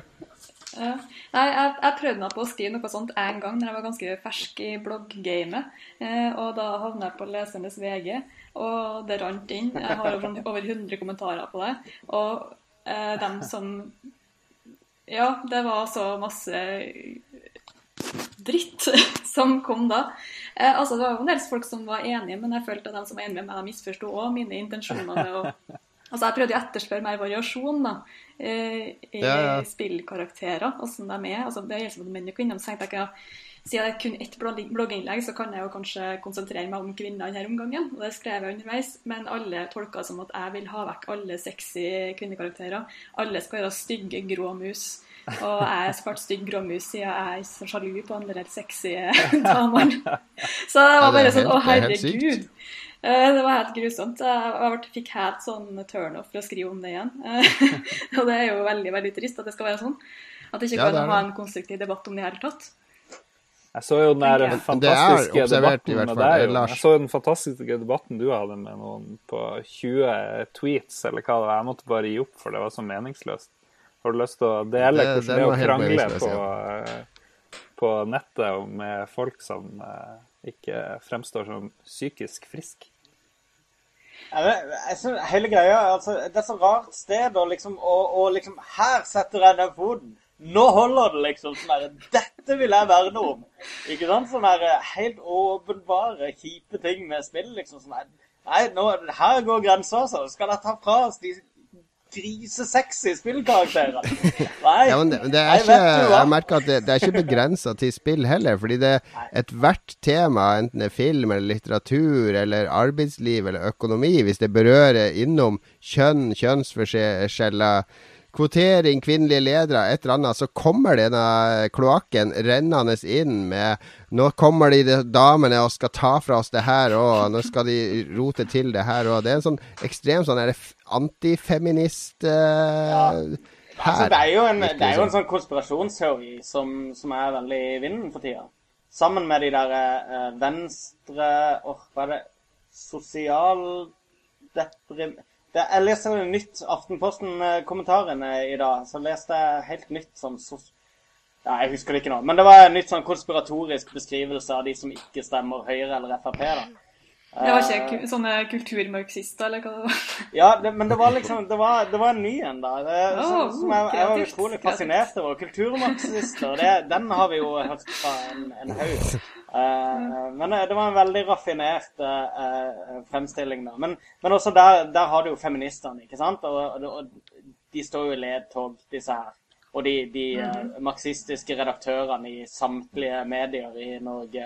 og eh, de awesome. pusher den feministiske agenda, og plutselig så er det Ja, ja, over på det, det der er jo en, en galskap som ligger over mange. Men hvis du skal tenke på årsaken, hvorfor, hvorfor er det en sånn eh, ekstrem antifeministbølge? Eller den er kanskje ikke så ekstrem, men den er veldig høylytt. Ja, men han er bare altså- høylytt. Altså, jeg, jeg bare tenker sånn veldig lett det at om de er, de er redd for at eh, kvinner skal gjøre mot dem som de gjør mot kvinner. At de skal få den underdånne rollen, og at de må gå rundt og se på eh, menn i, i eh, stringtangaer overalt og Æsj og fysj. ja, kanskje det. kanskje det Men jeg tror også det ligger en, en eller annen uh, Altså Mannsrollen har jo Vi har jo alle, sikkert alle sett Mad Men. Ja. Og mannsrollen har jo forandra seg veldig mye de siste 50 årene. Og Jeg tror mange menn sliter med å finne sin egen identitet nå, fordi de syns det er kult med likestilling og alt sånt der, men så merker de Oi, nå er det ikke damene lenger avhengig av meg, nå er det ikke jeg som skal ut og jobbe, og de som skal være hjemme med mine barn. Jeg tror det, jeg tror det er en sånn psykologisk reaksjon på at, uh, at mannsrollen har vært i en uh, veldig rask og stor endring, og at eh, en del umodne menn ikke har klart å tilpasse seg, og så får de ut denne frustrasjonen ved å eh, angripe alt som har med feminisme å gjøre, uansett. Det er jo veldig mange uh, yrker hvor det er greit at det kommer kvinner, og så ser mange at menn tør kanskje ikke gjøre det samme andre veien. Jeg vet ikke, at det er en slags Den frigjøringa gjør at kvinner er i i hvert fall de fleste av oss her, da, syns det er greit å se kvinner i alle mulige roller. Men jeg tror ikke alle vi hadde tort å gått i eh, alle de kvinnedominerte yrkene f.eks. like lett, uansett hvor tøff vi er. Så jeg føler at det er en slags eh, forskyving av makta, som du sier, eller ikke makta, men, men at Ja, hvis man, man kan se på Man gir jo fra seg man har jo, altså Menn har jo gitt fra seg privilegier de siste 50 årene, og de fleste av oss gjør det jo gladelig. ja, ja. Men, men for noen så har det her blitt eh, Det har sikkert vært ting som de har klamra seg til, og som de Ja, er sånn, de, sånn føler, de vet ikke hva de skal vokse opp og bli, mange unge menn, har jeg inntrykk av. Lenger. Ja, det var litt, det var veldig tydelig rollefordeling, og det tror jeg var veldig behagelig for mange. at det var, Sånn skal menn være, sånn er en ekte mann. Mens nå er det mer sånn Hva er egentlig en mann? Hva, hva skal en mann være i dag? ja. Eh, Og, og der kommer jo spillene inn, fordi de viser deg jo hva en ekte primal alfamann skal være. Han skal løpe rundt, og han skal skyte, og han skal grynte, og han skal slenge ut noen vittige one-liners. Og nå kommer disse damene og skal ta fra oss våre spillhelter, der vi endelig får være ekte menn. Ja. Nei, jeg tror det blir ikke å gi seg før det er helt OK for menn å være frisører, liksom. Det, og du ikke tror automatisk Det finnes jo automatisk tusen mannlige Ja, frisører, Frank. Ja, veldig men- mange, Ja, veldig mange Kanskje ikke oppi ja, men veldig mange tror da at OK, alle mannlige frisører er homofile eller et eller annet. ikke sant? Det er innforstått det er noe galt med dem, egentlig, eh, vil noen tenke. Så ja, man tror liksom ikke at det er noe galt med ei dame hvis hun er pilot lenger, ikke sant. Det var jo noen ultimate manneyrke en stund, ikke sant. Hvis du var pilot, så var du kulest, og da var du sånn Tom Cruise i Top Gun eller et eller annet sånt. Men så Men, men, de, de stoler ikke helt på det. Eh, Det, det, verste, noe av det verste øyeblikket jeg har hatt med Eller hva skal jeg kalle det? Jeg fikk en sånn skikkelig, skikkelig sånn å herregud-øyeblikk når jeg snakka med ei jeg bodde sammen med en periode, eh, der hun sa at ja, nei, det var en kvinnelig pilot på flyet. Og da ble jeg skikkelig urolig, for hun kan jo ikke fly, det er jo ei dame. Det, det er noe som er faktiske holdninger som sitter hos oss òg. Ja. Må jo også si at eh, altså, veldig mye av de reaksjonene som kommer av de ekstreme reaksjonene, de kommer jo eh, via kommentarfelt på nettet, ikke sant? Og, og der er det en sånn her bølge som går nå av veldig sånn her markedsliberalisme, eh, hvor eh, eh, folk skal klare seg sjøl uten hjelp fra staten, og staten er en sånn her stygge sånn, eh, Eller i hvert fall en, et ondt element i regnestykket, da. Og da er det liksom de største banneordene, det er eh, subsidiering og kvotering. Og der kommer det inn med kvinnekvotering. er- Det er det aller, aller, aller teiteste de kan tenke seg, ikke sant? For det, det er en eller annen trussel mot denne her eh, alle skal ha like utgangspunkter, da. Og de mener at ja, nå bare se på lista her, så står det at uh, Norge har mye likestilling. Så da er vi i mål. OK, over til noe annet, ikke sant? De forlenger jo bare sin gamle argumentasjon om at eh, innvandrerne kommer og tar fra oss jobben. Ja, ja. Nå, det, nå skal kvinnene òg komme og ta fra meg jobben. Ja.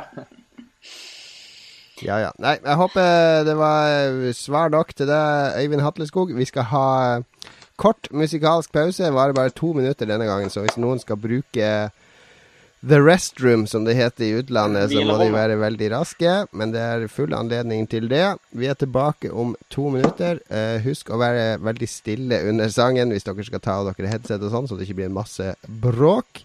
Vi skal høre en reggae-klassiker, No Woman No Cry, i chip-versjonen.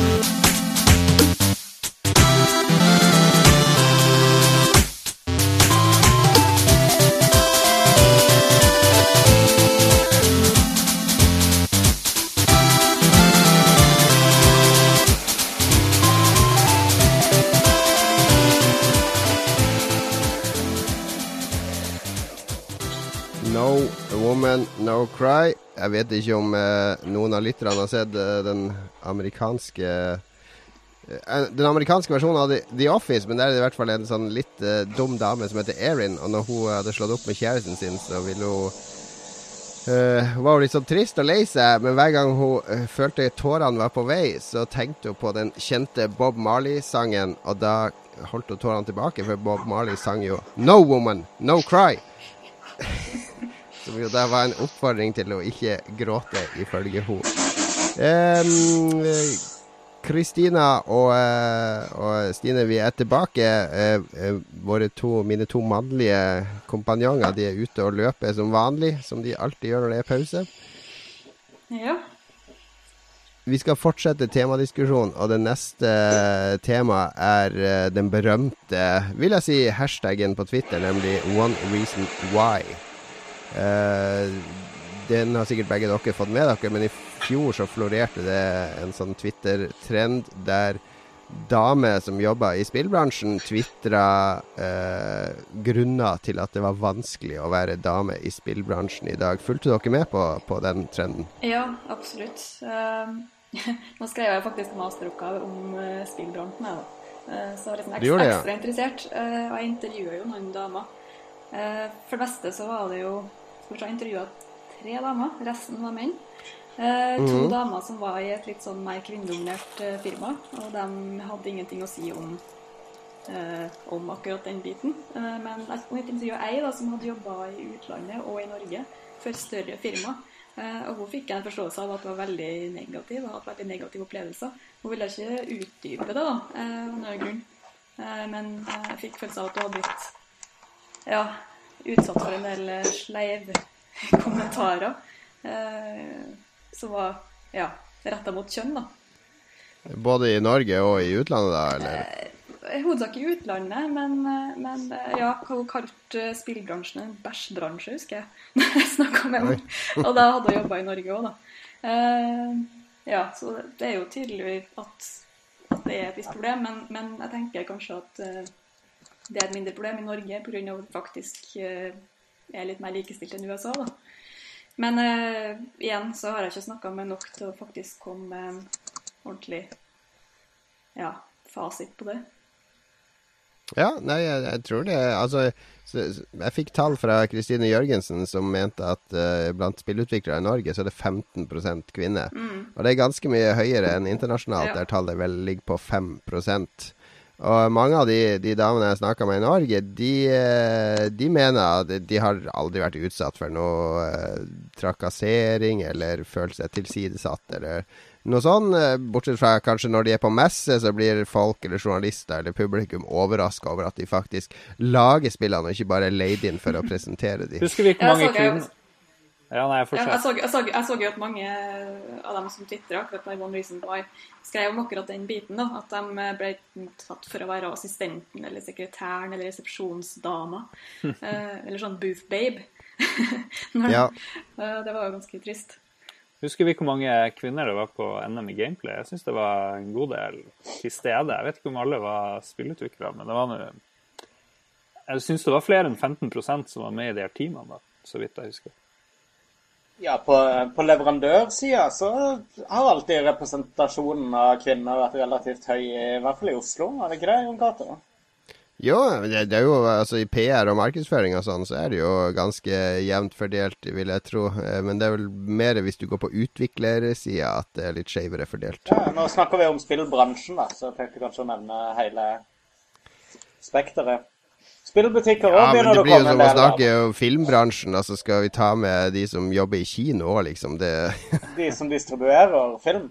Ja, nei, men jeg husker i hvert fall at det var en del unge vi, vi, vi, skal snakke om de skapende delene av spillbransjen. Ja, men jeg husker fra de utviklerne vi møtte i Oslo på NMI Gameplay, så det var OK. Det var ikke sinnssykt mye, men det var mer enn 15 syns jeg husker. Jeg håper det i hvert fall. Men, men, Josef Fares var, var jo eh, i, nylig på Bylarm i Oslo for å snakke litt om det briljante spillet hans 'Brothers A Tale of Two Sons'. Og han eh, sa jo noe sånt som at eh, spillbransjen hadde et komplett fucka kvinnesyn og, og så videre. Eh, så det må jo være en del i det. Hva er spørsmålet? Ja, vi diskuterer One Reason Why, om det er vanskelig å være kvinne i spillbransjen i dag. Det var forresten verdens korteste sang. Hva slags, Hvor lenge varte den? Litt over to minutter. To minutter. Det, ingen, det, funker ikke. Du må kjøre den to ganger neste gang vi Neste kvinnedag. Neste kvinnedag, ja. Får vi ta den to ganger. Men jeg snakka med vi, vi, altså, Nå er ikke det noen som lager spill, da, men hun uh, Marte i Filmpolitiet på på P3, som forresten også har starta podkasten nylig, hun, eh, jeg intervjua henne for en sak om, eh, om eh, trakassering og mobbing av spillutviklere. For jeg tok med henne òg, fordi hun får en del mail fra folk som, der det er sånn der Å, fitte, og du damer kan ikke skrive om spill, og fuck you, og litt sånne ting. Som hennes mannlige kollega ikke får. Uh, og, og, hun sa jo til meg at hvis hun skulle skrive f.eks. en anmeldelse eller en opinion piece, som det så fint heter, der hun visste at det kom til å vekke reaksjoner, Så måtte hun, hun følte at hun måtte dobbeltsjekke den både tre og fire ganger for faktafeil og slurv og alt mulig før hun publiserte den. Fordi hun ville blitt angrepet Hvis Rune Haakonsen, kollegaen hennes, hadde skrevet akkurat den samme greia, så ville debatten i kommentarfeltet blitt helt annerledes enn hvis hun skrev den. Fordi hun må hele tida forsvare at hun er kvinne først, og så går de på argumentene hennes. Det blir liksom avfeid med en gang. Ja, det er det samme i film. Hvis, hvis en dame blir sendt for å anmelde en Transformers-film og gir den terningkast to, så er det første de sier Å, kan ikke sende en dame til å se noe sånt! Det, Det, var jo det som det- det skjedde liksom, med Transformers-anmeldelsen i Dagbladet, som eh, ble litt uh, småhistorisk på uh, kommentarfelthistorien. den, eh, der var det ei dame. Hun anmeldte den Ja, ja, og ga den ener. Jo, men det, det, er jo ikke Altså, problemet da er jo at de går jo ikke på meninga hennes eller argumentene hennes. Nei, det er jo er at hun er dame som filmen. gjør at hun ikke skjønner den filmen. Ja, nei, den var ikke for henne, den. Så derfor så kunne ikke hun eh, Derfor hadde ikke hun kompetansen til å si hva hun mente om den. Det var liksom det som var greia. Det, jeg får veldig sjelden høre at, eh, at det er grunnen til at ikke folk er enig med karakterer jeg gir på spill. At, eh, at jeg er mann og det er ikke ment for meg. Eller jeg Jo, er men vi slipper å forsvare det, og det var jo poenget til Jo Marte, er at hun må alltid over det hinderet først, Ja. før den ordentlige diskusjonen kommer. Ja, det er helt manges. Men ja, jeg vet ikke. Bør vi avskaffe kommentarfelt helt? da? Jeg driver og er sånn sosiale medier-dude der jeg jobber. og Det er jo helt Det er jo nesten bare å gi opp kommentarfeltet. Det, man bør ikke Jeg lese syns de ikke vi skal uansett. avskaffe det. Jeg syns det er fint å inngå en dialog med leserne, men kanskje vi skal avskaffe kjønn? Å nei. Ja vel. Men det var, for Facebook nå introduserte jo sånn 30 typer kjønn, eller noe sånt. Og da hadde jeg jeg, hadde det ikke vært mye enklere å bare fjerne den sex-kolon? Så du, må du egentlig vite om vennen din er mann eller dame, eller de 20 andre du kan velge mellom nå? Er det ikke den personen du er kjent med? Det, har det noe å si om det står male eller female bak der? Jeg syns det ville være like lurt som å av, eh, liksom si at ingen er svart eller hvit. Skal vi liksom la det være en ting å skjemmes over? du ser jo på bildet om de er svart eller hvit. Hvorfor skal de måtte oppføre på en egen kolonne hvilken rase de Ja, er? men da, er, da gir vi opp, egentlig. Vi må jo heller gjøre sånn at det er greit å være både dame og kvinne og svart og hvit, vil jeg tenke. Ja, men greia er at du kan ikke se på en person hvilket kjønn de har, men du kan se på en person om han er sort eller hvit. Ja. Ja, som regel, ja. Som Eller regel. kanskje bare litt sort og litt hvit, eller Ja, og så og så er det ikke alle som har så veldig lyst til å definere seg som kjønn, for så vidt. Altså, jeg har vært litt, Nei, jeg har vært, er jeg har vært litt, sånn, jeg har vært litt sånn rar der. Eh, Jeg er sånn, Hver gang jeg får spørsmål om kjønn, og det ikke er obligatorisk, så setter jeg ingenting. For jeg syns det er et irrelevant spørsmål. Rett og slett. Det har vel litt med hvordan eh, Facebook eh, kategoriserer eh, de forskjellige demografiene sine også, da. Det er liksom ja. reklame og sånn som de Ja, ja. sikkert er mest interessert i. Det Det, har med, det har med segmentering å gjøre. Med makro- og mikrosegmenter. Men har vi flertall for å avskaffe kjønn her, da? Det syns jeg er litt spennende å høre. Avska Nei, for bare det. avskaffe det. Det er skikkelig avantgarde. Jeg heier på Stine her, jeg. Ja, ja. Det er vel litt, blir det ikke litt kjedelig, Lars? ja det, jeg syns det er flott Bare for, at, bare for at du skal kunne si at du bor hos din far. Ja, det var det, ja. I kjelleren til din far istedenfor i kjelleren til din mor. Jeg bor i kjelleren til min mor, jeg er stolt av det. Men snart er jeg jo kanskje der huset her, så det er All you see will be mine. Ja, jeg, jeg, ikke, jeg, ser poenget ditt, Lars. Jeg er ikke for å avskaffe eh, kjønn. Jeg synes altså de driver i noen svenske barnehager nå der de nekter å si han eller hun, men konsekvent bruker hen. Det syns jeg er eh, ganske ekstremistisk på en måte i forhold til det. Fordi du må jo kunne erkjenne overfor deg sjøl hva du er. Men på Facebook så er det voksne mennesker som eh, lager profilene sine og skal holde kontakt med hverandre. Og der syns jeg det er mindre relevant hvilket kjønn du er. Fordi det vet jo de du er venner med uansett. Hvis du skjønner hva jeg mener. Ja, jeg, jeg skjønner ikke problemet med at det er der. Hva, hva fører det? Hvilken, hvilken Ja, Det har jo tydeligvis vært et problem siden de har vært nødt til å innføre alle mulige sånn transgender-kombinasjoner. Ja, det, det er masse, masse kjønnsvalg du har nå. Ok, men det er vel grunnen Og da er tenker jeg det hadde vært lettere å bare fjerne det. Ja, men da hadde vi mista muligheten til liksom lettere å selge inn annonser til folk. Da er det enklere for de å heller si OK, Antagelig. Og så har de et internsystem som sier hvis de velger en av de syv, så er det mann, og en av de syv, så er det kvinne. Antagelig. Eh, kjære gjester, eh, klarer dere å være våken uh, en liten stund til, eller skal vi spole fort fram i sendeskjemaet? Jeg drikker kaffe. Ja, Hvor er vi i sendeskjema? Sendeskjemaet? Jeg kommer jo tilbake. Jeg jobber i morgen, så ja. Hvor vi er i sendeskjemaet, Jon. Du må oppdatere oss. Hva er Nei, vi, har, uh, vi skal gjennom litt ting vi har spilt i det siste, og så har vi én temadiskusjon til, og så har vi en musikkduell. Og det blir kanskje Oh. litt mye å bite over. Vi må i hvert fall snakke om hva vi har spilt. Dette er jo en spillpodkast, er det ikke det? Da dropper vi eh, siste temadiskusjon der vi skulle snakke litt om det var forskjell mellom jentespill og guttespill, for det har vi for så vidt vært innom allerede, føler jeg. Vi snakka litt om det i en tidligere diskusjon. Og så kjører vi rett videre på hva vi har spilt i det siste, og da blir det kun ett spill per person. Og eh, Kristina, du kan få lov til å åpne. Hva har du spilt i det siste som du har lyst til å snakke om? Ja. jeg, jeg nevnte jo eh, The Witcher, The Witcher i stad, så da skal jeg snakke om Resident Evil 6 nå i stedet. Uh, Eh, Jeg eh, har vært eh, veldig glad i Resident Evil-serien siden, siden det første spillet. Em, og eh, jeg syns Resident Evil 4 var veldig gøy, selv om det var mer actionorientert. og sånt noe. Og Mhm. så var Resident Evil 5 relativt håpløs. Uh, Resident Evil 6 eh, uh, jeg, jeg spilte både det og femmeren med den samme kompisen. Uh, vi har det veldig, veldig kult med det. det jeg, tror, jeg tror det er det som gjør det litt bra. Jeg tror det hadde vært litt irriterende hvis jeg hadde spilt det alene. Uh, og så er det det at kameravinklene i, i enkelte actionsekvenser er em, em, grusomme, rett og slett. Rett og slett. Det, Ja. em, ja. Men jeg har det veldig veldig gøy med det spillet, og eh, ja, selv Ja, om for du spiller i co-op med en eh, venn? ja, mm. Hvor gammelt er det spillet, egentlig? Hvor gammelt? Eh, 2013? Tre- To-tre år. Ja, ok. Ja. Nei, det, Nei, det kom ikke i fjor. Jeg tror det er to år gammelt, i hvert fall. Jo, det er det. Jeg tror det kom eh, Kom det ikke rett før nyttår? 2012? Ja, den kom i oktober. Det er det, det, er det med tre sånne altså, det, det, det kom i mars 2013 til Windows. Til Windows? Ja, ja Windows-versjonen, ja. Ja. Nettopp. Jeg tenkte på konsollversjonen. Ja, Spiller du på. PC? Ja, jeg, jeg spiller bare på PC. Jeg har en, play, Sier han med disbelief. jeg, jeg, jeg, har en PlayStation 3 og en PlayStation 2 og en GameCube og en Nintendo 64, men eh, GameCube. Ja, nei, det var, bare, det var bare en merkelig ting å spille Resident Evil på PC. Jeg tror aldri jeg har hørt noen spille Resident Evil på PC før. Ja, nei, altså, noe. kompisen min bor i Oslo, så jeg er ikke noen sånn, sånn konsollperson, og alle de andre Ja. vennene mine spiller på PC, så da, ja. Typisk damegreie. Det det. PC. Good for you, sier jeg bare. Jeg har eh, lenge argumentert for PC som Jon ultimate er spillplattform sånn her- Jon Cato er sånn plattform-hipster som har fått med seg på de der kleine forumene at ja, nå er det PC som er greia.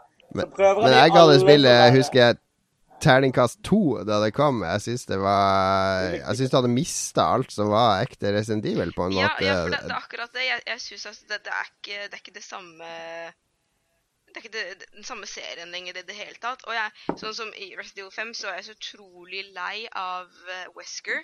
At, at det bare Det er den minst interessante karakteren noensinne. Uansett hvor mange du dre ganger du dreper ham, så kommer han tilbake og er like dust. Og det samme skjer om igjen og om igjen.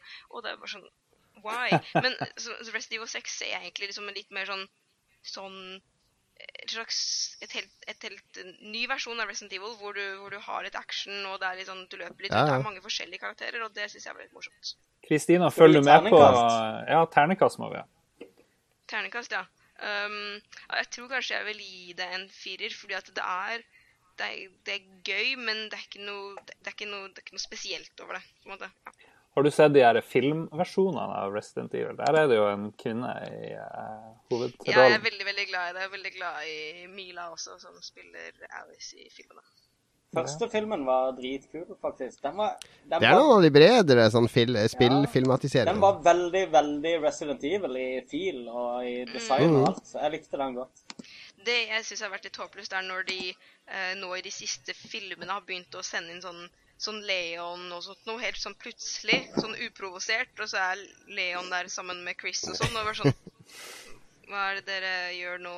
Du skulle vært død, og ja, Sånn som Barry var plutselig med, eh, som døde i det første spillet. Spoiler! det er fra 90-tallet eller noe. Nok en spoiler! Stakkars er sikkert noen av de som hører på som ikke var født den gang da det spillet kom. Men eh, ja. All, all right. Resident Evil på eh, Kristina, altså. Eh, Lars, hva har skjedd? Eh, Du har klart å koble opp Xboxen din, men du har ikke fått spilt noe på den ennå. Hva er det du har spilt i det siste? Jeg kan jo fortelle Det første som skjedde da jeg fikk installert Xboxen min, det var at jeg fikk vår venn eh, Jon Cato eh, Jens Arthur på besøk. Og det eneste som skjedde. I stedet for å spille Titanfall, så satt vi og hadde gøy med Bing og så sjekka hva den der eh, voice recognition klarte å kjenne igjen. Så vi drev og bantes noe veldig og spurte om de rareste tingene og holdt på å le oss i hjel. Så det, det eneste spillet jeg har spilt på Xbox One, det er å sitte og leke med Bing. Så det du sier, er altså Xbox One best i fylla. egentlig. Så, men det jeg har spilt mest i det siste, er vel South Park. Eh, og jeg er jo en South Park-fan. I hvert fall syns jeg filmen var bra. Og så husker jeg da vi var nede i eh, den eh, gamle leiligheten din, Jon, og vi så de første VHS-ene vi klarte å lure til oss. Av Ok, eh, altså du, er, du sier du er en South Park-fan, og du har sett filmen, og i 99 når serien var ny.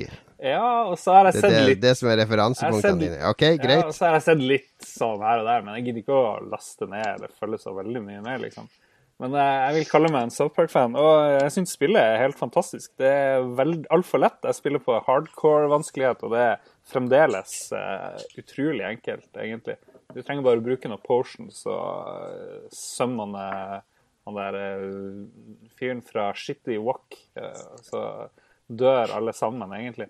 Men, eh, men jeg har kommet meg til dag tre. det er morsomt, da. Det er kjempeartig Ja, jeg har laga. kommet meg til dag tre, og det som er gøy, det er at det ser akkurat ut som tegneserien, egentlig. Og, Men det var visstnok en stor utfordring, fordi når de lagde det, så fløyt grafikken. ikke sant? Det var helt fint. Så de måtte lage masse, programmere masse greier for at det skulle hakke. De bevegelsene til alle figurene skulle hakke, og, og masse rutiner for å få det til å se like crappy ut som serien, eh, hørte ja, jeg. men det må jo være et av de enkleste spillene, men akkurat som Telltale Games ikke klarer å få de her superenkle cutscenesene sine til å gå smooth på eh, PC eller noe som helst, så klarer de ikke å få det til å unngå å hakke når du prøver å springe bortover. Men det er, det er vel det eneste jeg har å utsette. Men humoren er ganske bra, og så lo jeg litt når alle de her sensurerte scenene når eh, han der ene faren til en av guttene får masse anal probes i rumpa. Og det skal sensureres for oss. Jeg skjønner ikke. Hva er greia? Jeg ble. Jeg kjenner ikke til den sensuren, for som vanlig så spiller jeg på The Superior Master Race-versjonen som er på PC, som ikke er sensurert. Hvilken er det? Ja, nei, jeg spilte på 360, men jeg er kjempefornøyd. Okay, okay. Syns det er et kongespill. Anbefales for alle. Ter terningkast. Terningkast eh, fem. Ja, vi gir det en femmer. Vær så god. Noen andre som har prøvd det? Jeg har spilt det. Jeg syns det er kjempeartig. Jeg ga det en femmer, jeg Jeg kjenner ingen jente som syns at South Park er så veldig morsomt. Kjør det Jeg bak. syns det er morsomt. Yay! Jeg har, sett, vært- eh, jeg har sett på PewDiePie spille South Park. Ja, samme her. Jeg har planer Er om, det- jeg planer om men- å kjøpe og spille det, faktisk. Ja, anbefales. Jeg var Veldig. skeptisk til, veldig skeptisk til spillet, for jeg syns det har vært kanskje åtte sånn direkte ræva eh, sesonger av TV-serien. Så jeg var litt uh, småskeptisk til storyen. Men uh, jeg har fra uh, troverdige kilder at de har klart å levere der også i, i spillet, og det er imponerende, syns jeg. Det, det jeg lurer på, er hvorfor du har sett åtte episoder av en TV-serie du syns er ræva. Hvorfor stopper du ikke etter én eller to Nei, jeg sesonger? har ikke, sett, De siste sesongene har jeg ikke Der har jeg sett én okay, okay, episode episode i sesongen og bare konstatert at Magnus, ta for igjen. Hæ? Ok, ok, ok. Yes. uh, Stine, hva vil du dele med oss av dine nylige, ferske spilleopplevelser? Eh, jeg må innrømme at jeg har hatt en litt sånn dårlig spillperiode i siste. Eh, ja, ærlig hatt, hatt dårlig tid til å spille, faktisk. Andre ting jeg har gjort. Eh, og de spillene jeg, de spillene jeg har spilt, de har ikke vært så veldig Jeg har ikke blitt så veldig gira, da, rett og slett. Eh, I siste så har jeg jo runda den sesong to, eller episode to, heter det, eh, av The Wolf Among Us. Jaha, det Telltale-spillet, Ja. eventyrgreia. ja. Og jeg, jeg likte jo veldig godt episode én, men jeg ble litt sånn eh, med episode to. Det Eh, er flere som sier det, har jeg hørt. Jeg er litt skuffa. Uh, og så har jeg spilt litt Broken Age. Ja, okay. For jeg hadde jo veldig stort tro på det. Uh, og jeg har liksom Var du backer? backer? Har du backa Var du det? en av backerne? Det var jeg faktisk ikke. Dessverre. Ja, ok. Eh, men, eh, men jeg har ikke helt kommet helt inn i det heller, da. Jeg begynte jo fint med ei dame som greier å redde seg sjøl, det er jo topp. Eh, men ellers så har jeg ikke fått helt filen for det, rett og slett. Jeg vil anbefale egentlig å vente til eh, episode to kommer, eller del to av det spillet. For det er veldig kort, og idet det skifter, så har du veldig lyst til å fortsette, da. Idet liksom del én er over. Så. Men det er jo et problem med sånne episodespill. Jeg syns at det å spille f.eks. Uh, Walking Dead og det her uh, Wolf Among Us Jeg ville bare venta som en TV-serie helt til jeg kunne se alle, se, alle episodene Jo, på en gang. Men der har du kalkulerte, kalkulerte cliffhangere. Det som var med Broken Age, var at de, de gikk tom for penger. Så de var nødt til å bare dele de to og selge så mye de kunne av del én, så de kunne sponse del to. Tom for penger, du liksom. De fikk jo ti ganger mer enn de ba om. Hvordan kan de gå tom for penger? Ja, De brukte jo alt. Det var jo det de gjorde. Så det er all ære til de for det, altså. Alltid overstige budsjettet. Men det, men det som er med, med serier, der har det jo sånn ca. én episode i uka. Eh, men jeg har nødt til å vente i månedsvis for å få episode to. Jeg, Ja. har jo, jeg, jeg backer jo ja. Det ja, men det er frustrerende. Jeg, jeg pleier å spille episode én for å anmelde det. Og kaste terningkast og si det her er kult, det burde du sjekke ut. Og så venter jeg med alle de andre episodene til alt er ute, og så pløyer jeg gjennom det når jeg har tid. Når alt er tilgjengelig. Ja, jeg, jeg backa jo Broken Sword. Jeg var veldig stor fan av de to første Broken Sword-spillerne. Eh, Og gledde meg veldig til det. Eh, men jeg opplevde jo at når jeg først begynte å komme inn i spillet og begynte å kose meg, så var det jo over. Og så må jeg vente og vente og vente. Det er jo helt Ja, ja, ja. for da, da detter man litt ut av det. da. Hvor spilte du det? Spilte du på PC eller på Mac. Ja, riktig. Ja, på Mac. Mac. Ja, jeg Det er nummer to superior platform her eh, Magnus. Ja, uh, The Master Master Race. Ja, Uh, ja jeg, jeg har Men Magnus Magnus, forhør deg om hva du har spilt i det siste. Er det bare Battlefield 4 fortsatt? Eh, Ja, men eh, jeg har spilt uh, siste døgnet. Har jeg For, for, uh, for dere gjester, altså Magnus har egentlig aldri spilt online-skytespill, aldri kicka på det, men av en eller annen grunn så har han blitt forelska i det maskuline soldatuttrykket i Battlefield. Nei, Han liker det det. Han var jo pasifist, han var ikke i militæret. Endelig får han anledning til å ha en skikkelig virtuell militærøvelse. Ja, det var uh, helt korrekt gjengivelse av Jon Cato, som vanlig. Ja, som kritiker så skal jeg jo tolke, tolke det du sier, og jeg tolker ganske fritt. Ja, veldig fritt. Veldig fritt. Den skal du ha. Det er den frieste tolkninga til nå. Ja, men du, du spiller fortsatt Battlefield? Eller har Eh, Titanfall tatt over? Men uh, så kom, kom jo uh, Uh, Altså, jeg kan si Grunnen til at jeg spilte Battlefield, var at uh, da jeg gikk til anskaffelse av en Xbox One, så var jeg i kontakt med EA, Electronic Arts, som uh, sørga for en liten sånn her startup-kit med spill til konsollen. Og da var eh, Battlefield ett av de, og jeg bare freste gjennom singleplayeren som vanlig. Og så ble jeg litt hooked på det, og så bestemte jeg meg for at jeg var akkurat masochistisk nok til å ta den verbale julinga som du får de første rundene i online-spillinga Du, du snakka om det her i forrige episode, så du må legge til noe nytt nå. Ja, men nå forklarer jeg Nå har du tolka alt jeg har Ja, sagt. begge, feil, nå må både, Kri- alt, altså både Kristina og Stine har jo hørt forrige episode, det er jeg helt sikker på. Bare, bare nikk pent nå. Så. Kommer Sure-Jon tilbake her. Det er jo typisk. Det som var greia, da, var jo at uh, i stedet så satte jeg meg ned med Altså, i uh, natt så lasta jeg ned Titanfall, som jeg kjøpte Ja. via en amerikansk eh, nettbutikk. Eh, så det har jeg spilt de siste timene.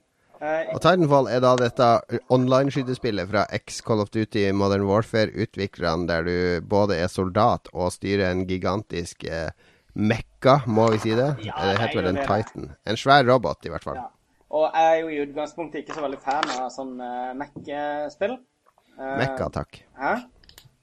Eh, d- Du vet, de japanofile insisterer på at det heter mekka. Ja, men Hva med Mac Assault og alle de der spillene? De Ja, det er, det er sånn eh, anglofil eh, bastardisering. Nei da. Jeg, jeg har bare vært i sånne diskusjoner på forum der de, me, folk har vært rasende fordi du sier mekk og Jeg er i ikke hvert fall ikke fan av sånne spill. Så det at jeg driter i hva de som er fan av sånne spill, Ja, syns jeg skal si. kjør. Jeg har ingen ambisjoner om å bli venner med dem. Eh, men vi kan godt gå gjennom alle mine setninger nå fremover i alt jeg skal si om Titanfall. Så kan vi diskutere hver setning. Altså, så jeg har spilt Nei, Titanfall. fortell, men hva, hva, likte du Titanfall, da? Uh, uh, både òg. det henger litt sammen med Battlefield, egentlig, inntrykket mitt av, av Titanfall. For jeg var blitt vant til dette her med sånn gedigne landområder. Der en går veldig Du må ha litt is i maven og gå veldig taktisk til verks. da. Ja, uh, og der du får en utrolig sånn, god feedback i det du klarer å liksom, å knerte en etter litt forarbeid. da.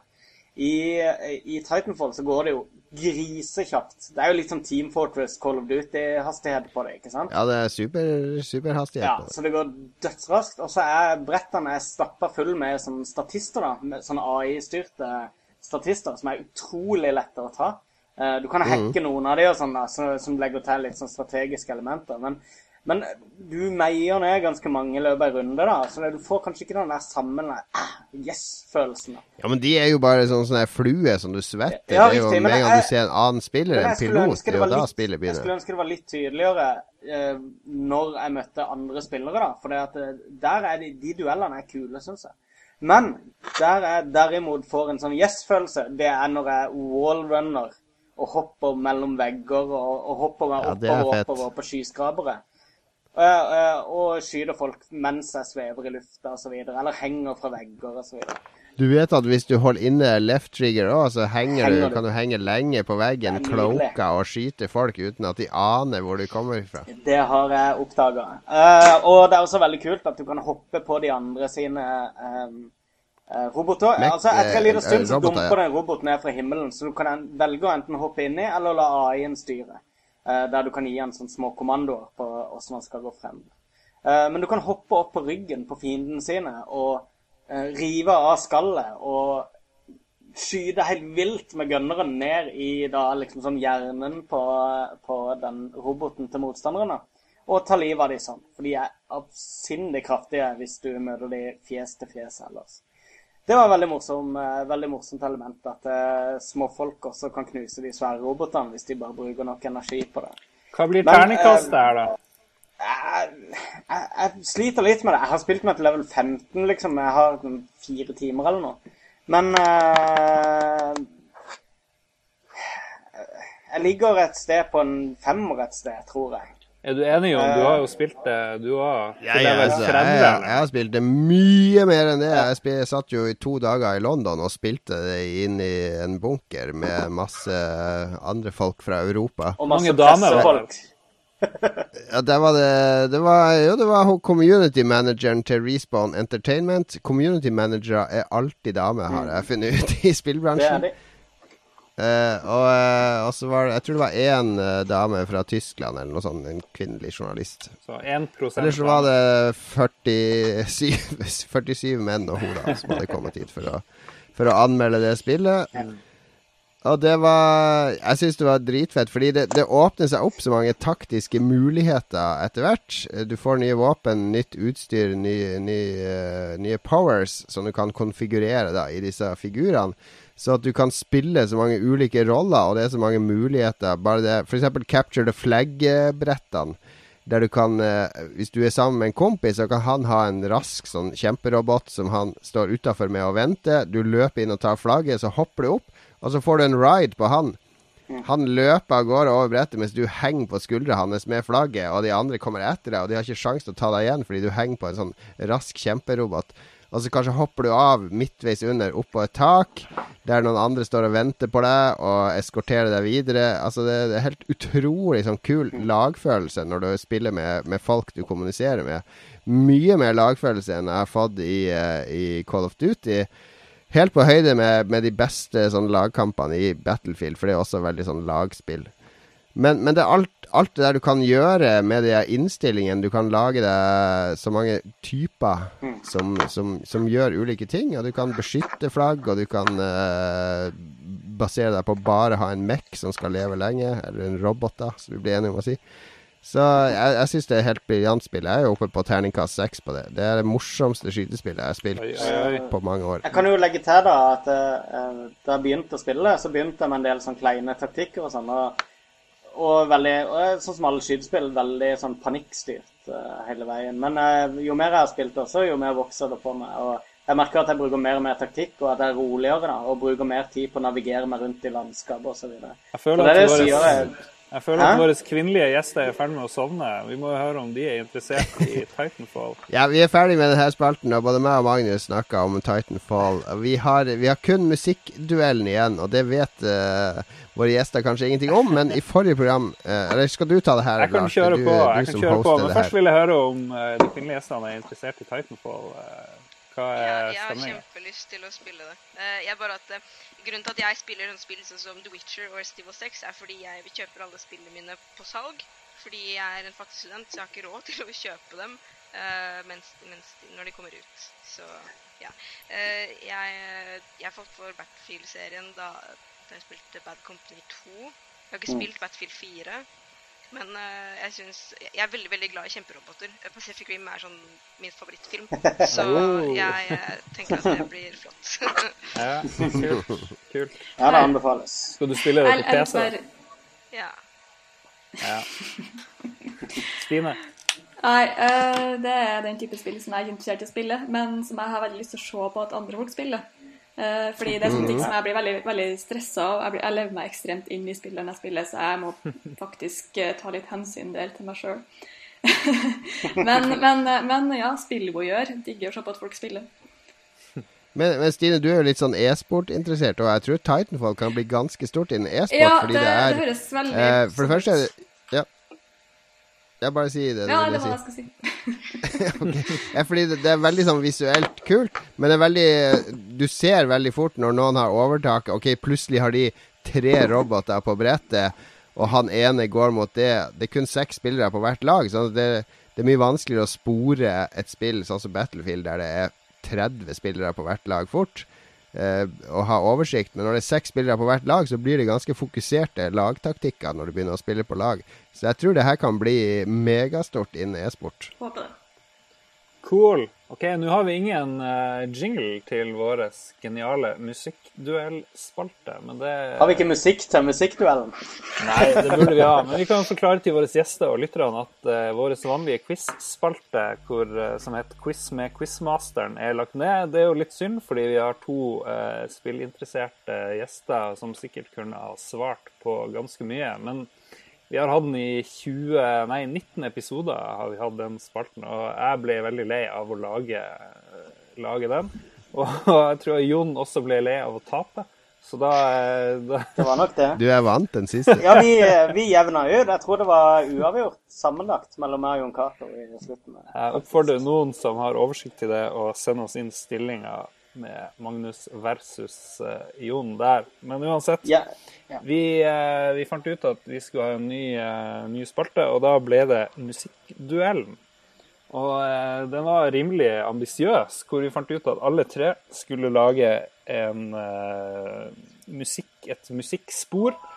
Ca. ett minutt langt. Og så skal vi få inn uh, vår venn Jostein fra Rad Crew, som er spillmusikk- og filmmusikkspesialist, til å kåre vinneren når vi er ferdig med det. Så alle har fått i oppgave i dag å lage et stykke musikk som, eh, som Kanskje våre gjester i dag da, kan ta en litt sånn intern eh, kåring på hvem som eh, Kan ikke vi ha en intern kåring, da, der Magnus og våre gjester kårer, sier hvem de Hvilken av de to For nå er det jo kun jeg og Lars som har laga musikk denne gangen. du- Vi skal spille to sanger, da. poeng, Og så kan dere kåre den dere liker best. Som passer best til temaet. Nå røpte du et morsomt poeng, Jon. Jeg skulle jo drive og svette Magnus her og finne ut hva han hadde lagd. Åh, ja, ja jeg, jeg, Beklager. jeg, jeg, jeg gadd ikke. Det er den lange Det Nei, den er, det er elendig. Du får minuspoeng og en straff som vi må bli enige om eh, her. Jeg vet ikke. Du må få en ekstraoppgave til neste sending. Jeg vet ikke om våre kvinnelige eh, Men, gjester men det var jo, det, det var jo ekstraoppgaven som var grunnen til at jeg ikke gjorde det. Hvorfor dette her tro at jeg gjør dette? Du har bare spilt Titanfall og Battlefield, så du har ingen eh, unnskyldning. Nei, men Vi skal i hvert fall få høre to spor. Um, hvem og så, eh, så skal vi eh, finne ut eh, en lokal vinner i dag, da, tydeligvis med Magnus og Stine. Og Kristina som mm -hmm. dommere. Hvem skal spilles først, Jon? Hva du har lagt opp til? Det er du som er DJ. jeg kan eh, Ja Spill din først. Eh, Jeg kan godt spille min først. Jeg kan jo si uh, kort Ja, om uh, si Nå Tror jeg. Kristina datt ut der, men uh, vi får uh, fortsette. Jeg, jeg, kan si kort om sangen, er at ja, Du må jo si hva temaet er, Ja, Lars, først. Det, det var, vi lot Magnus bestemme tema forrige gang. og det var, Han fant ut at det skulle være krigsspill, og som en bisetning så fant han ut at det skulle være et krigsspill med zombier involvert. Så det var jo litt avansert, egentlig. Så, og vi ga ingen eh, begrensninger på program man skulle bruke. Det her var fritt opp til uh, fantasien. Og vi tror at det her kommer til å bli ganske dårlig. Det er jo utgangspunktet, egentlig. Vi er, ingen av oss er Ja. så veldig gode i det. Ingen av oss som er musikere, for å si det sånn. Men jeg, jeg, tok utgangspunkt i krigsspill med zombier. Jeg tenkte um, eh, Jeg tenkte umiddelbart John Carpenter når jeg skulle lage altså John Carpenter er jo en legendarisk eh, skrekkfilmregissør som også har laga musikk til veldig mange av filmene sine. Og han har mye monotone, tunge basslinjer og, og sånne ting. Så det var han som var inspirasjonen for min låt, som jeg har da, da har laga til dette zombiespillet. Og min låt, som dere da skal vurdere, den kommer her nå.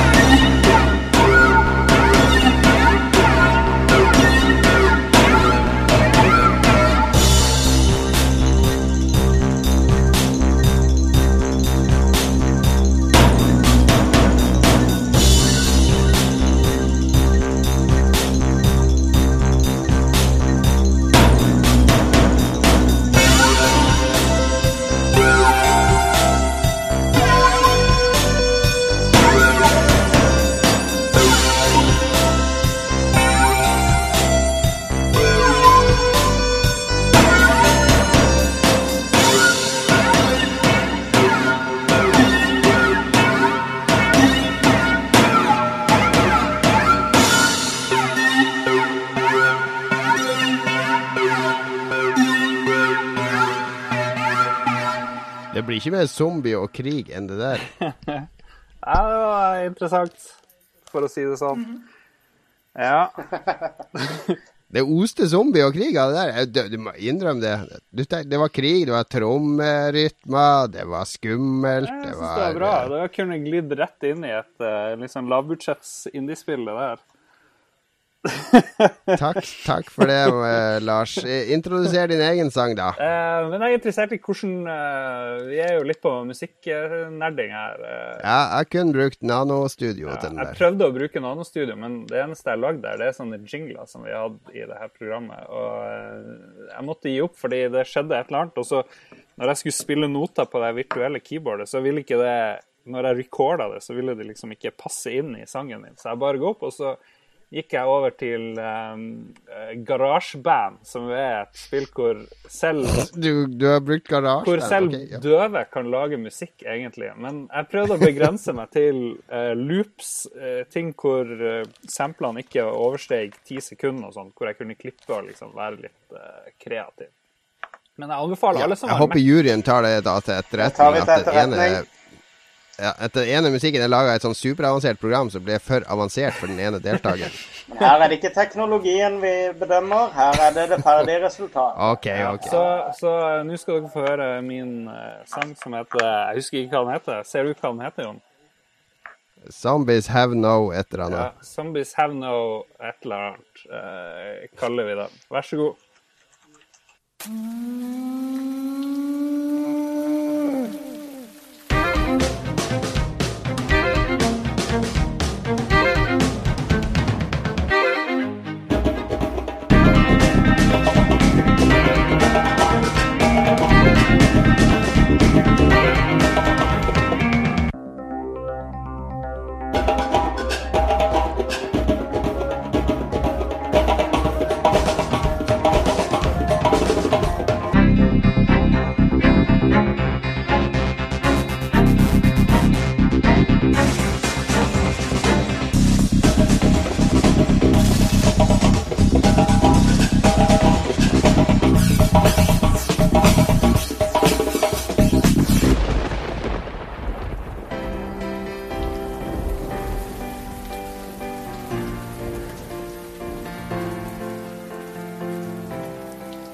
Zombies march into war.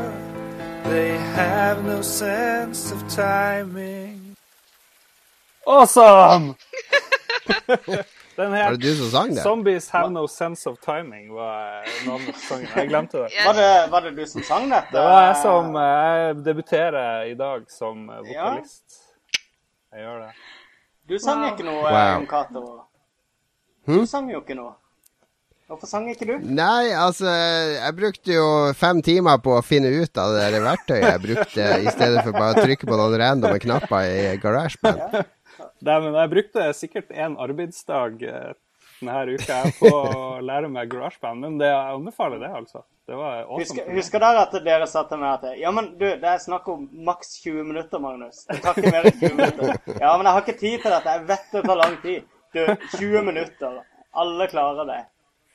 Ja, ja. All right. Vi må ha en dom. Eh, Magnus, skal du begynne? Du må eh, legge, legge din klamme lanke på én av to eh, vektskåler. Ja. Um, det var to veldig forskjellige innfallsvinkler da, til, til sjangeren. Jeg, jeg, jeg må si, jeg likte godt sangen til Lars, men jeg syns han var så feel good. Det var liksom sånn her zombier og krig og Det, var, det ble veldig uh, Helt enig. Helt ja. enig. Uh, hvis ikke det var en sånn her, sånn her syrlig, sånn her sarkastisk uh, ironisering av all grusomheten som foregikk på skjermen. Men at du spilte sånn her nydelig musikk mens det skjer grusomme ting. Jeg ble veldig fascinert av de her trommelydene jeg kunne få ut av det der eh, programmet der. Så det ble jo en slags perkusjons... Jeg syns det høres litt ut som du eh, hang deg litt opp i det. I, hvor gøy det var å lage musikk i det programmet. Men du går jo kanskje glipp Det føltes litt som om du prøvde å lage seks låter på ett minutt. Ja, men jeg hadde jo bare ett minutt på meg. Du brukte jo ett minutt og 20 sekunder, fortalte du. Jo, men jeg lagde jo en Du hadde jo sånn taktskifter og tre taktskifter. Ja. Ja. Bede- Du må bedømme, Magnus. Ja, eh, jeg, jeg gir denne og eh, eh, Jeg gir den til Jon Cato. Men jeg likte den veldig godt, Lars. Jeg må si jeg var Ja, jeg likte Jeg syns, jeg syns Lars sin var kjempefine. Og Stine, da? da hvor, hvor vipper din vektskål? Og jeg var veldig usikker, eh, egentlig, fordi altså, jeg syns jo Det som er greia, at det, det Lars sin, der kjente jeg igjen veldig mange av samplingene. Eh, Det var ting jeg har hørt før, som bare var bæsja sammen. Oi, oi, oi. Ja, men det gir samples. Ja, eh, Han har jo selvsagt klarert med Tono og sånn, alle samples. Mm. Jeg ble veldig, veldig veldig sjarmert av uh, vokalprestasjoner uh, på slutten. Veldig, veldig flott. Uh, samtidig så var Jon Cato sin veldig klassisk og fin. Eh, litt- litt Kjedelig, kjedelig med andre ord. Jeg var monoton, tenkte jeg. Men samtidig så tok den eh, ja, den rette Er ikke monotoni et sånt zombietema? De er jo ganske monotone Eh, vesener. Nei, men det var, det var, det var rette akkordene og så videre eh, for den sjangeren. Så jeg lander på Jon Cato, faktisk. Oi, oi, oi. Kristina, har du noe trøst til Lars nå på slutten? Uh, ja, altså Jeg tenkte at eh, Jon Cato sin, sin låt var veldig sånn, sånn typisk zombieaktig, mens Lars sin er sånn det er mer sånn altså, du, eh, Sånn som uh, The Last of Us var et eh, nytt steg i, i zombiesjangeren, så var den sangen et nytt steg i zombiesjangeren. For at jeg så for meg en person som løper gjennom en by. At det, det er liksom Det er en sånn en slags um, en, en sekvens hvor det, hvor det liksom skal flytte seg i rom, og så bruker den sangen til å gjøre det. Og så er det liksom humor med det at zombien ikke har noe, noe sånn tidsperspektiv, for det, det syns jeg er sånn det, det, Jeg likte det veldig godt. Det, så um, du, du kan godt få, få mitt poeng. Ja. Får trøstepoenget der. Ja, men tusen Ja. takk. Det, det tar jeg. Det var godt. Men det var god, god tolking òg, syns jeg. Veldig god tolking der. Nei, men Gratulerer med seieren, eh, Jon. Uoffisiell. Vi må vi venter på Jostein, eh, musikkspesialisten, sin dom. Men eh, du tar eh, første poeng i dag. Du gjør det. Men vi må ha et tema for sang til neste episode, og kanskje våre gjester skal få velge. Altså, vi Konkurransen går ut på å lage en sang, en spillmusikk, da, til, eh, for eksem- til ulike sjangre. Hva slags spillmusikksjanger skal vi takle i neste episode, Kristina og Stine? Eh, har dere eh, tatt mange før, eller? Ja. Det her er det Nei, det her er første Første? vi har gjort, så det landskapet er Ja. helt åpent. Oi, oi, oi. Eh, Jeg er jo en Eller Jeg spiller ikke så mye nå lenger, men jeg var egentlig en veldig stor japansk rollespillfan. En sjanger som jeg syns er veldig gøy, da. Japansk rollespill? Ja, jeg kan jeg, jazz, jeg, Gladjazz, nesten. Med ja, teknologiske innspill. Eller jeg vet Eller ikke, hva du, hva du eller kanskje adventure. Ja, hva du, Hvordan tolker du japansk rollespillmusikk, egentlig?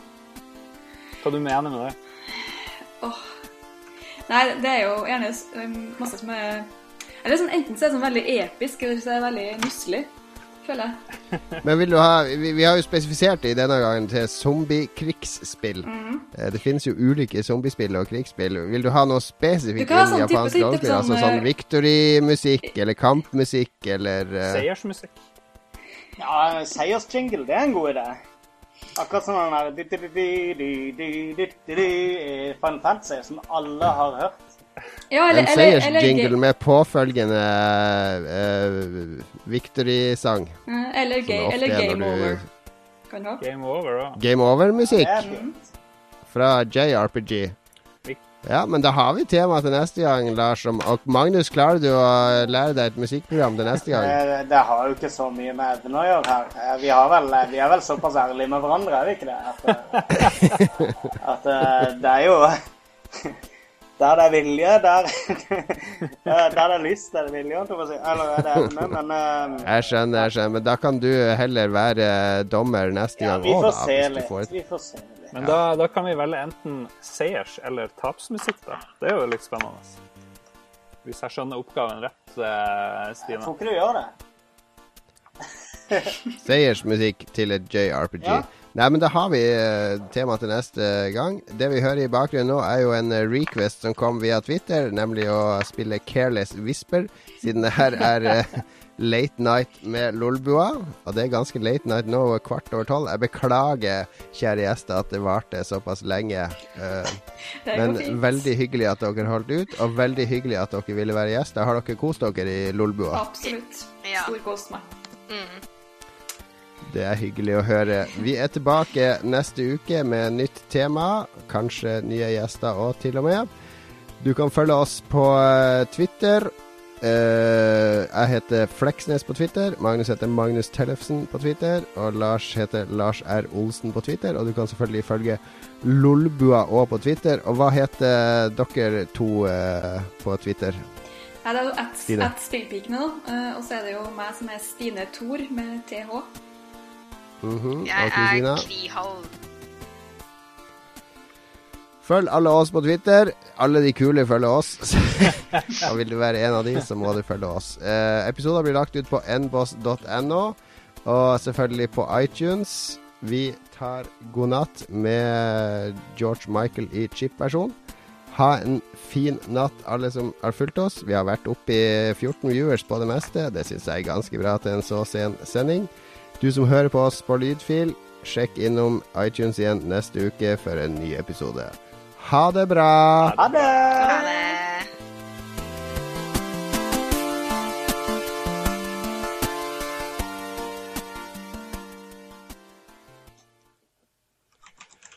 Har du et enkeltpersonforetak eller en liten bedrift? Da er du sikkert lei av å høre meg snakke om hvor enkelt det er med kvitteringer og bilag i fiken, så vi eh, gir oss her, vi. Fordi vi liker enkelt. Fiken superenkelt regnskap.